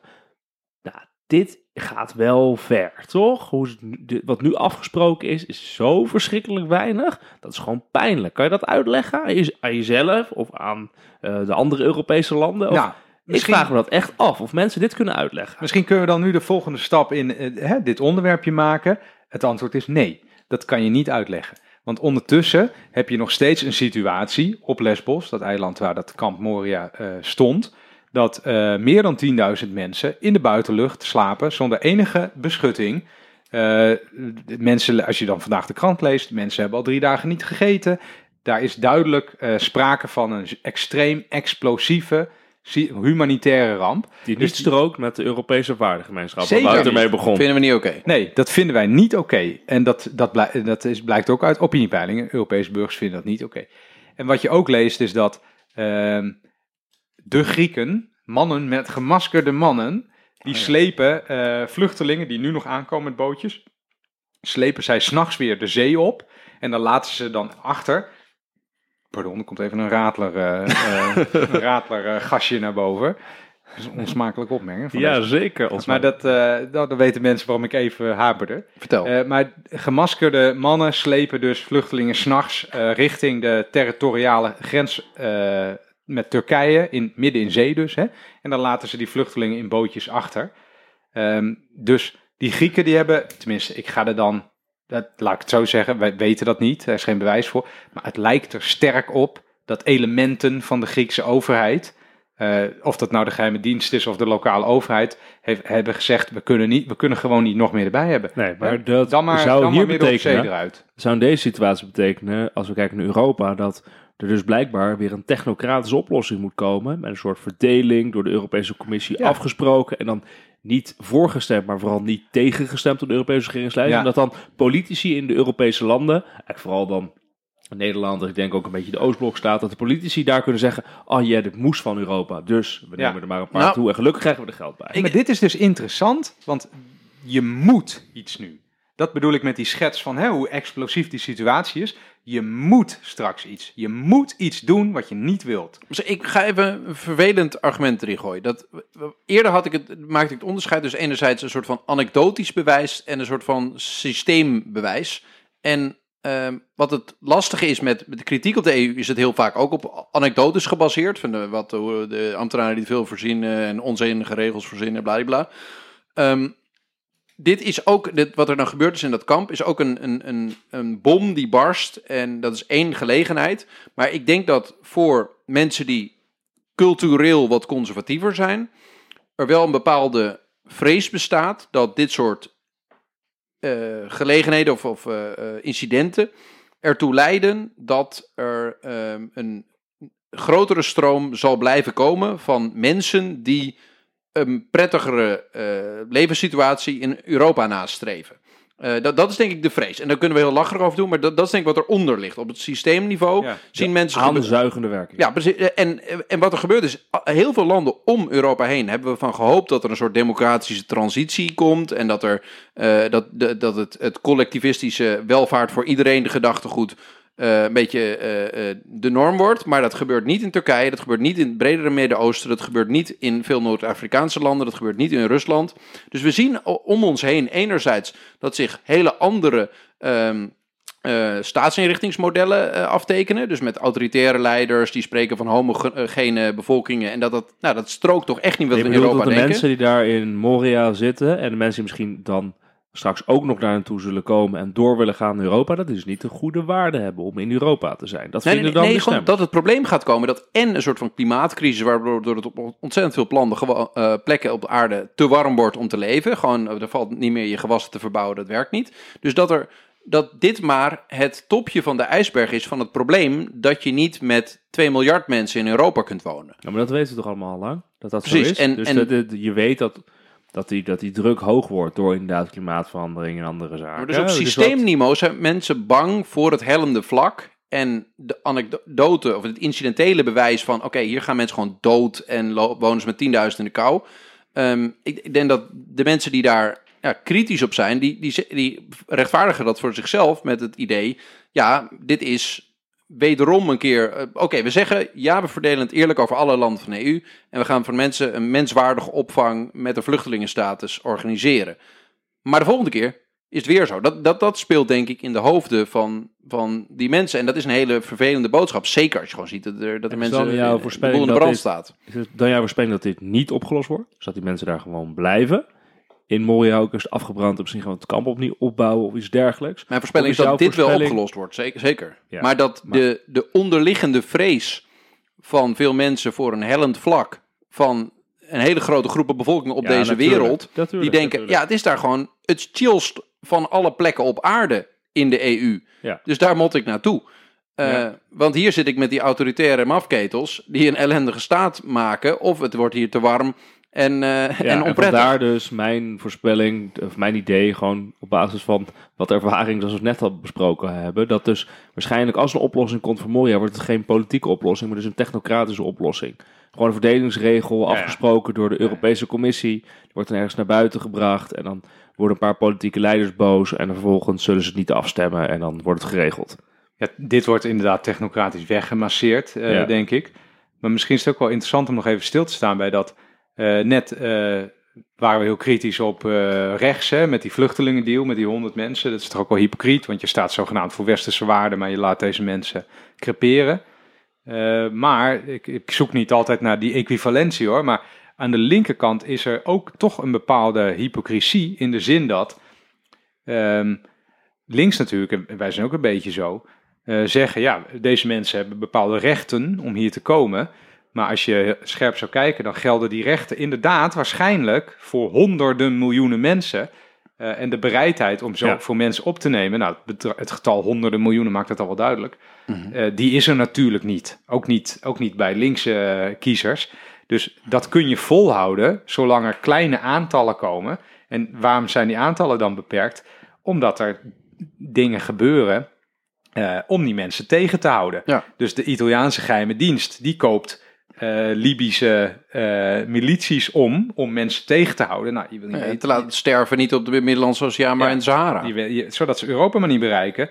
Eh, de Griekse, weet ik niet welke Grieken dat precies doen, die slepen die mensen terug de zee op. De Bulgaren, die knuppelen mensen bij de grens gewoon eh Hongarije terug. bouwen ze hekken. Eh, Hongarije bouwen ze hekken. Eh, en dat, eh, daar gaat het ook niet zoveel over, snap je? Dat is ook allemaal in strijd Nee, dat met is waar. de rechten die die mensen hebben. Maar dit, dit, is dus het, e- dit is het eeuwige... Maar hier zal dus het verhaal zijn bij Moria, dit zijn dus, dit, is, dit zijn nu echt Ja. vluchtelingen. Die is echt een Die humanitaire mensen ramp nu de toelaten. Er is Ja. brand, er gaan mensen dood, er zitten kinderen er zitten, dus hier moet een oplossing Ja, voor komen. Maar dat is, dit, is- dit is de- het dilemma tussen Europese waarden. Zijn die universeel of zijn ze Europees? En Europese waarden van solidariteit, collectiviteit, vrijheid, vertrouwen in de rechtsstaat, eh, dat soort dingen, die willen Europeanen, of in ieder geval de mensen met het Europese gedachtegoed, of de, de- die geloven in het Europese verhaal, graag zien als wereldwijd geldend. Maar je komt op een gegeven moment in de knoop als je solidair met de hele wereldbevolking wil zijn. Ja. ja. dus zijn universele waarden, waarden, maar je kan ze niet universeel toepassen. Ja. Alleen maar situatieafhankelijk, zoals Ja. nu. Ik vind het nog wel leuk om één ander punt te maken wat hiermee te maken heeft. Want jij zei net, Wouter, de verwachting was dat die landen om Europa heen, eh, en hetzelfde geldt misschien voor de landen aan de randen binnen de Europese Unie, dat die zich eh, steeds verder zouden ontwikkelen, kijkend naar ons en hoe wij dat doen, en dat ze zich zouden optrekken aan ons. Ehm, maar de praktijk is eigenlijk precies andersom. Dat die landen in die ring rond Europa heen, die gaan het relatief steeds slechter doen. Ehm, en ik denk, eh, dat is e- even interessant om, om erbij stil te staan. Hoe kan dat nou? En volgens mij komt dat door twee fenomenen. Eh, en daar heb ik net een heel interessant boek op gelezen, over gelezen op eh, vakantie. Namelijk eh, brain drain. In de zin, nou, het woord, mensen kennen het woord. Veel van de, de mensen die normaal de civil society zouden uitmaken en zo'n land zouden opbouwen, die zeggen, eh Toeledoki, ik ga naar Europa als dat kan. En kapitaalvlucht. Want als je dan naar cijfers kijkt van stichtingen die daarnaar kijken, er gaan voor honderden miljarden euro's naar Europa toe via al die eh, constructies zoals de, de Russian Laundromat en eh, de Dutch eh, Sandwich. allemaal van die fiscale constructies via belastingparadijs waarbij geld verdwijnt uit landen zoals Libië en Egypte, weet ik veel. landen die last hebben van corruptie. Dus door die twee fenomenen, brain drain en kapitaalvlucht, is dus juist niet het succes van Europa wat die landen optilt, maar is het eh, Ja, leegzuigt eigenlijk. Ja, Zu- leegzuigt. Zuigen, dat is een soort spons. En het enige wat u, met u, waar u mee achterlaten zijn mensen. ja, en- Ehm, en dan niet eh, de meest productieve mensen. Nee. Dat, is het, dat is het cynische beeld. Nou ja, ik, ik denk dat dat, dat dat een dynamiek is die bestaat. Eh, dus als Europa, ze hebben het steeds vaker over de ring of fire rond Europa. Hè? Dus rond Europa ligt een soort ring met landen waar, het, waar er gewoon shit aan de hand is. Oekraïne. Oekraïne is overigens een perfect voorbeeld van eh, hoe de regering Janukovic, toen die toen ten val is gekomen, echt voor tientallen miljarden heeft ontrokken aan het land en via westerse financiële systemen eh, heeft gestald in Londen en daar huizen heeft gekocht en dat soort, eh, dat soort dingen. Maar dat land is dus in crisis. Eh, Wit-Rusland. Wit-Rusland is in crisis. En zo trekt zich rond Europa, Syrië, Libië, Tunesië, Algerije, allemaal landen waar allemaal gedoe is. Eh, en dat is dus het gevolg, zeg, probeer ik dus uiteen te zetten, het gevolg van die fenomenen van kapitaalvlucht en brain drain. En het Europese buitenlands beleid is er nog niet op gericht om dat te keren. Ehm, maar dat leidt er dus wel toe. Die landen houden dus geen vluchtelingen tegen. Sterker nog, er vluchten mensen uit die landen. Ehm, dus het, het oplossen van het vluchtelingenprobleem is daarmee verbonden. eh, zou ik durven zeggen. En het boek wat ik erover heb gelezen, leuke leestip voor de mensen thuis, is Moneyland Oh ja. eh, van Olivier Ballo. Ik denk dat je het zo eh, uitspreekt. Eh, en dat beschrijft, het is echt een geweldig boek. Dat beschrijft hoe oligarchen in landen zoals de Oekraïne via allemaal schimmige Wonen in constructies Moneyland. die vaak die verbergen hun geld in Moneyland. En hij, hij zegt, vroeger, als je corrupt was, moest je dat geld in je matras stoppen of zoiets. Hè, en uitgeven waar je woonde. Dat hoeft al lang niet meer. Je kan dat overmaken. Daar helpen keurige bankiers van ING, eh, helpen je daarbij. Eh, en dan, eh, dan, komen ze er, dan komen ze er nooit meer aan. Het is onmogelijk om dat terug te pakken. Schattingen laten zien dat minder dan een promiel van wat er gestolen wordt, wordt ooit nog weer teruggevonden, gepakt. Dus eigenlijk zit je gewoon safe met je centen. En dat is iets wat al landen in corrupte landen, bijvoorbeeld in Afrika of in het Midden-Oosten, enorm eh, schaadt. En het gaat dus niet om een paar miljoen per persoon. Hè? Het gaat echt om soms eh, tientallen miljarden eh, voor Janukovic eh, bijvoorbeeld. Ik wil niet somber eindigen, jongens. Hoe, eh, Ja, maar de EU, Ja. dat is toch een potje geweldig, man. Man, wat is dat geweldig. Nooit meer oorlog, altijd vrede. Een waardegemeenschap hebben we Ja. geleerd. Economische voorspoed. als we maar even de blik een beetje naar binnen houden. Eh, en, en de Ring of Fire, het wel mooi, een beetje negeren. Ehm, dan, dan komen we toch wel tot elkaar. Ehm, en delen we meer met elkaar dan we misschien initieel dachten. Ehm, maar het wordt lastig om die waarde eh, de hele tijd vast te houden als daaromheen niet ook een beetje in onze richting bewogen gaat worden. Ja, nou ja, het is inderdaad wel misschien een goed idee om de voordelen van de Europese Unie door inderdaad vrij verkeer van kapitaal, vrij verkeer van arbeid en noem het maar op, ook een beetje aan de zijkant van Europa recht te laten komen. Terecht te Mhm, laten komen. ja. Voordat het eh, letterlijk implodeert, zeg maar. Ja, of Dat is dus gewoon wat meer speech. centen geven. Toch wat meer Transferunie, subsidies. transferunie. Ja, meer subsidies. Ah, Mooi woord, man. Subsidies. Je bent links of niet? Ik vind het een mooi woord. Ik zo, eh, dat heb ik al een paar keer verteld. Als dan een of andere iemand zegt, ja, maar subsidie is toch eng? Dan op het werk of zo. En dan ik altijd, kom, mee naar het raam, mee naar het raam. Dan zeg ik, kijk om je heen. Alles wat jij hier ziet, krijgt subsidie. Een of andere manier overtuigt dat is ook niet altijd. Nee, waar is onze subsidie eigenlijk? Waar blijft die? Nee, wij zijn financieel Onafhankelijk. onafhankelijk. We hebben, we hebben ook amper kosten. Ja, af en toe een pilsie. Koffie, een Ja, potje koffie. Hè? Nee. De apparatuur staat ook wel, hè? We hoeven er geen geld meer aan uit te geven. Gaat eigenlijk wel goed. Wat we nog even moeten noemen. Nog altijd even moeten noemen. Op dit moment zijn de Podcast Awards. de Dutch Podcast Awards 2020. eh, georganiseerd door eh, BNR. En je kan stemmen. Stemmen op eh, Studio Tegengif. Als uw favoriete podcast. Er staat er een hond buiten, die gaat ook stemmen. Er blaft ook een hond in de verte. ja, gaat ook stemmen op Studio Tegengif. En dan kan je dus bij podcastawards.nl slash nomineren. Studio Tegengif nomineren als je favoriete podcast in de categorie nieuws en politiek. Uw e-mailadres achterlaten en dan kan je het bevestigen. Het zou heel leuk zijn als het luisteraars dat nu meteen doen. Want ja, doe het maar nu meteen. anders En, en mocht u... En het kan tot het einde van deze week. Dus tot en met vrijdag 18 september. En op het moment dat u iets anders wil weten over deze podcast... of een tip heeft of een vraag... kunt u altijd contact nemen met Randy Martens. En als u op social media Dat kan, deelt hoor. dat u op ons gestemd heeft, dan verzeker ik u dat u ook zeker een waarderend bedankje zult krijgen Dan bakt van, een van een ons. appeltaart voor u. En een appeltart van Wiemar Bolhuis. Dat zijn ook heerlijke dingen. Hey. Leuk, was leuk jongen. Ik denk dat we dan echt aan het einde zijn. Ja. Dan rest ons niks anders dan de luisteraars van harte te belang- bedanken. Europa. Lekker die raad daar. Ja, ik, ben helemaal, ik ben helemaal katje lam van die raadlers van jou, eh, Wouter. Ja, Mooi. nou, bedankt voor het luisteren en tot eh, de volgende keer. Yo, tot ziens. 62. Hoi.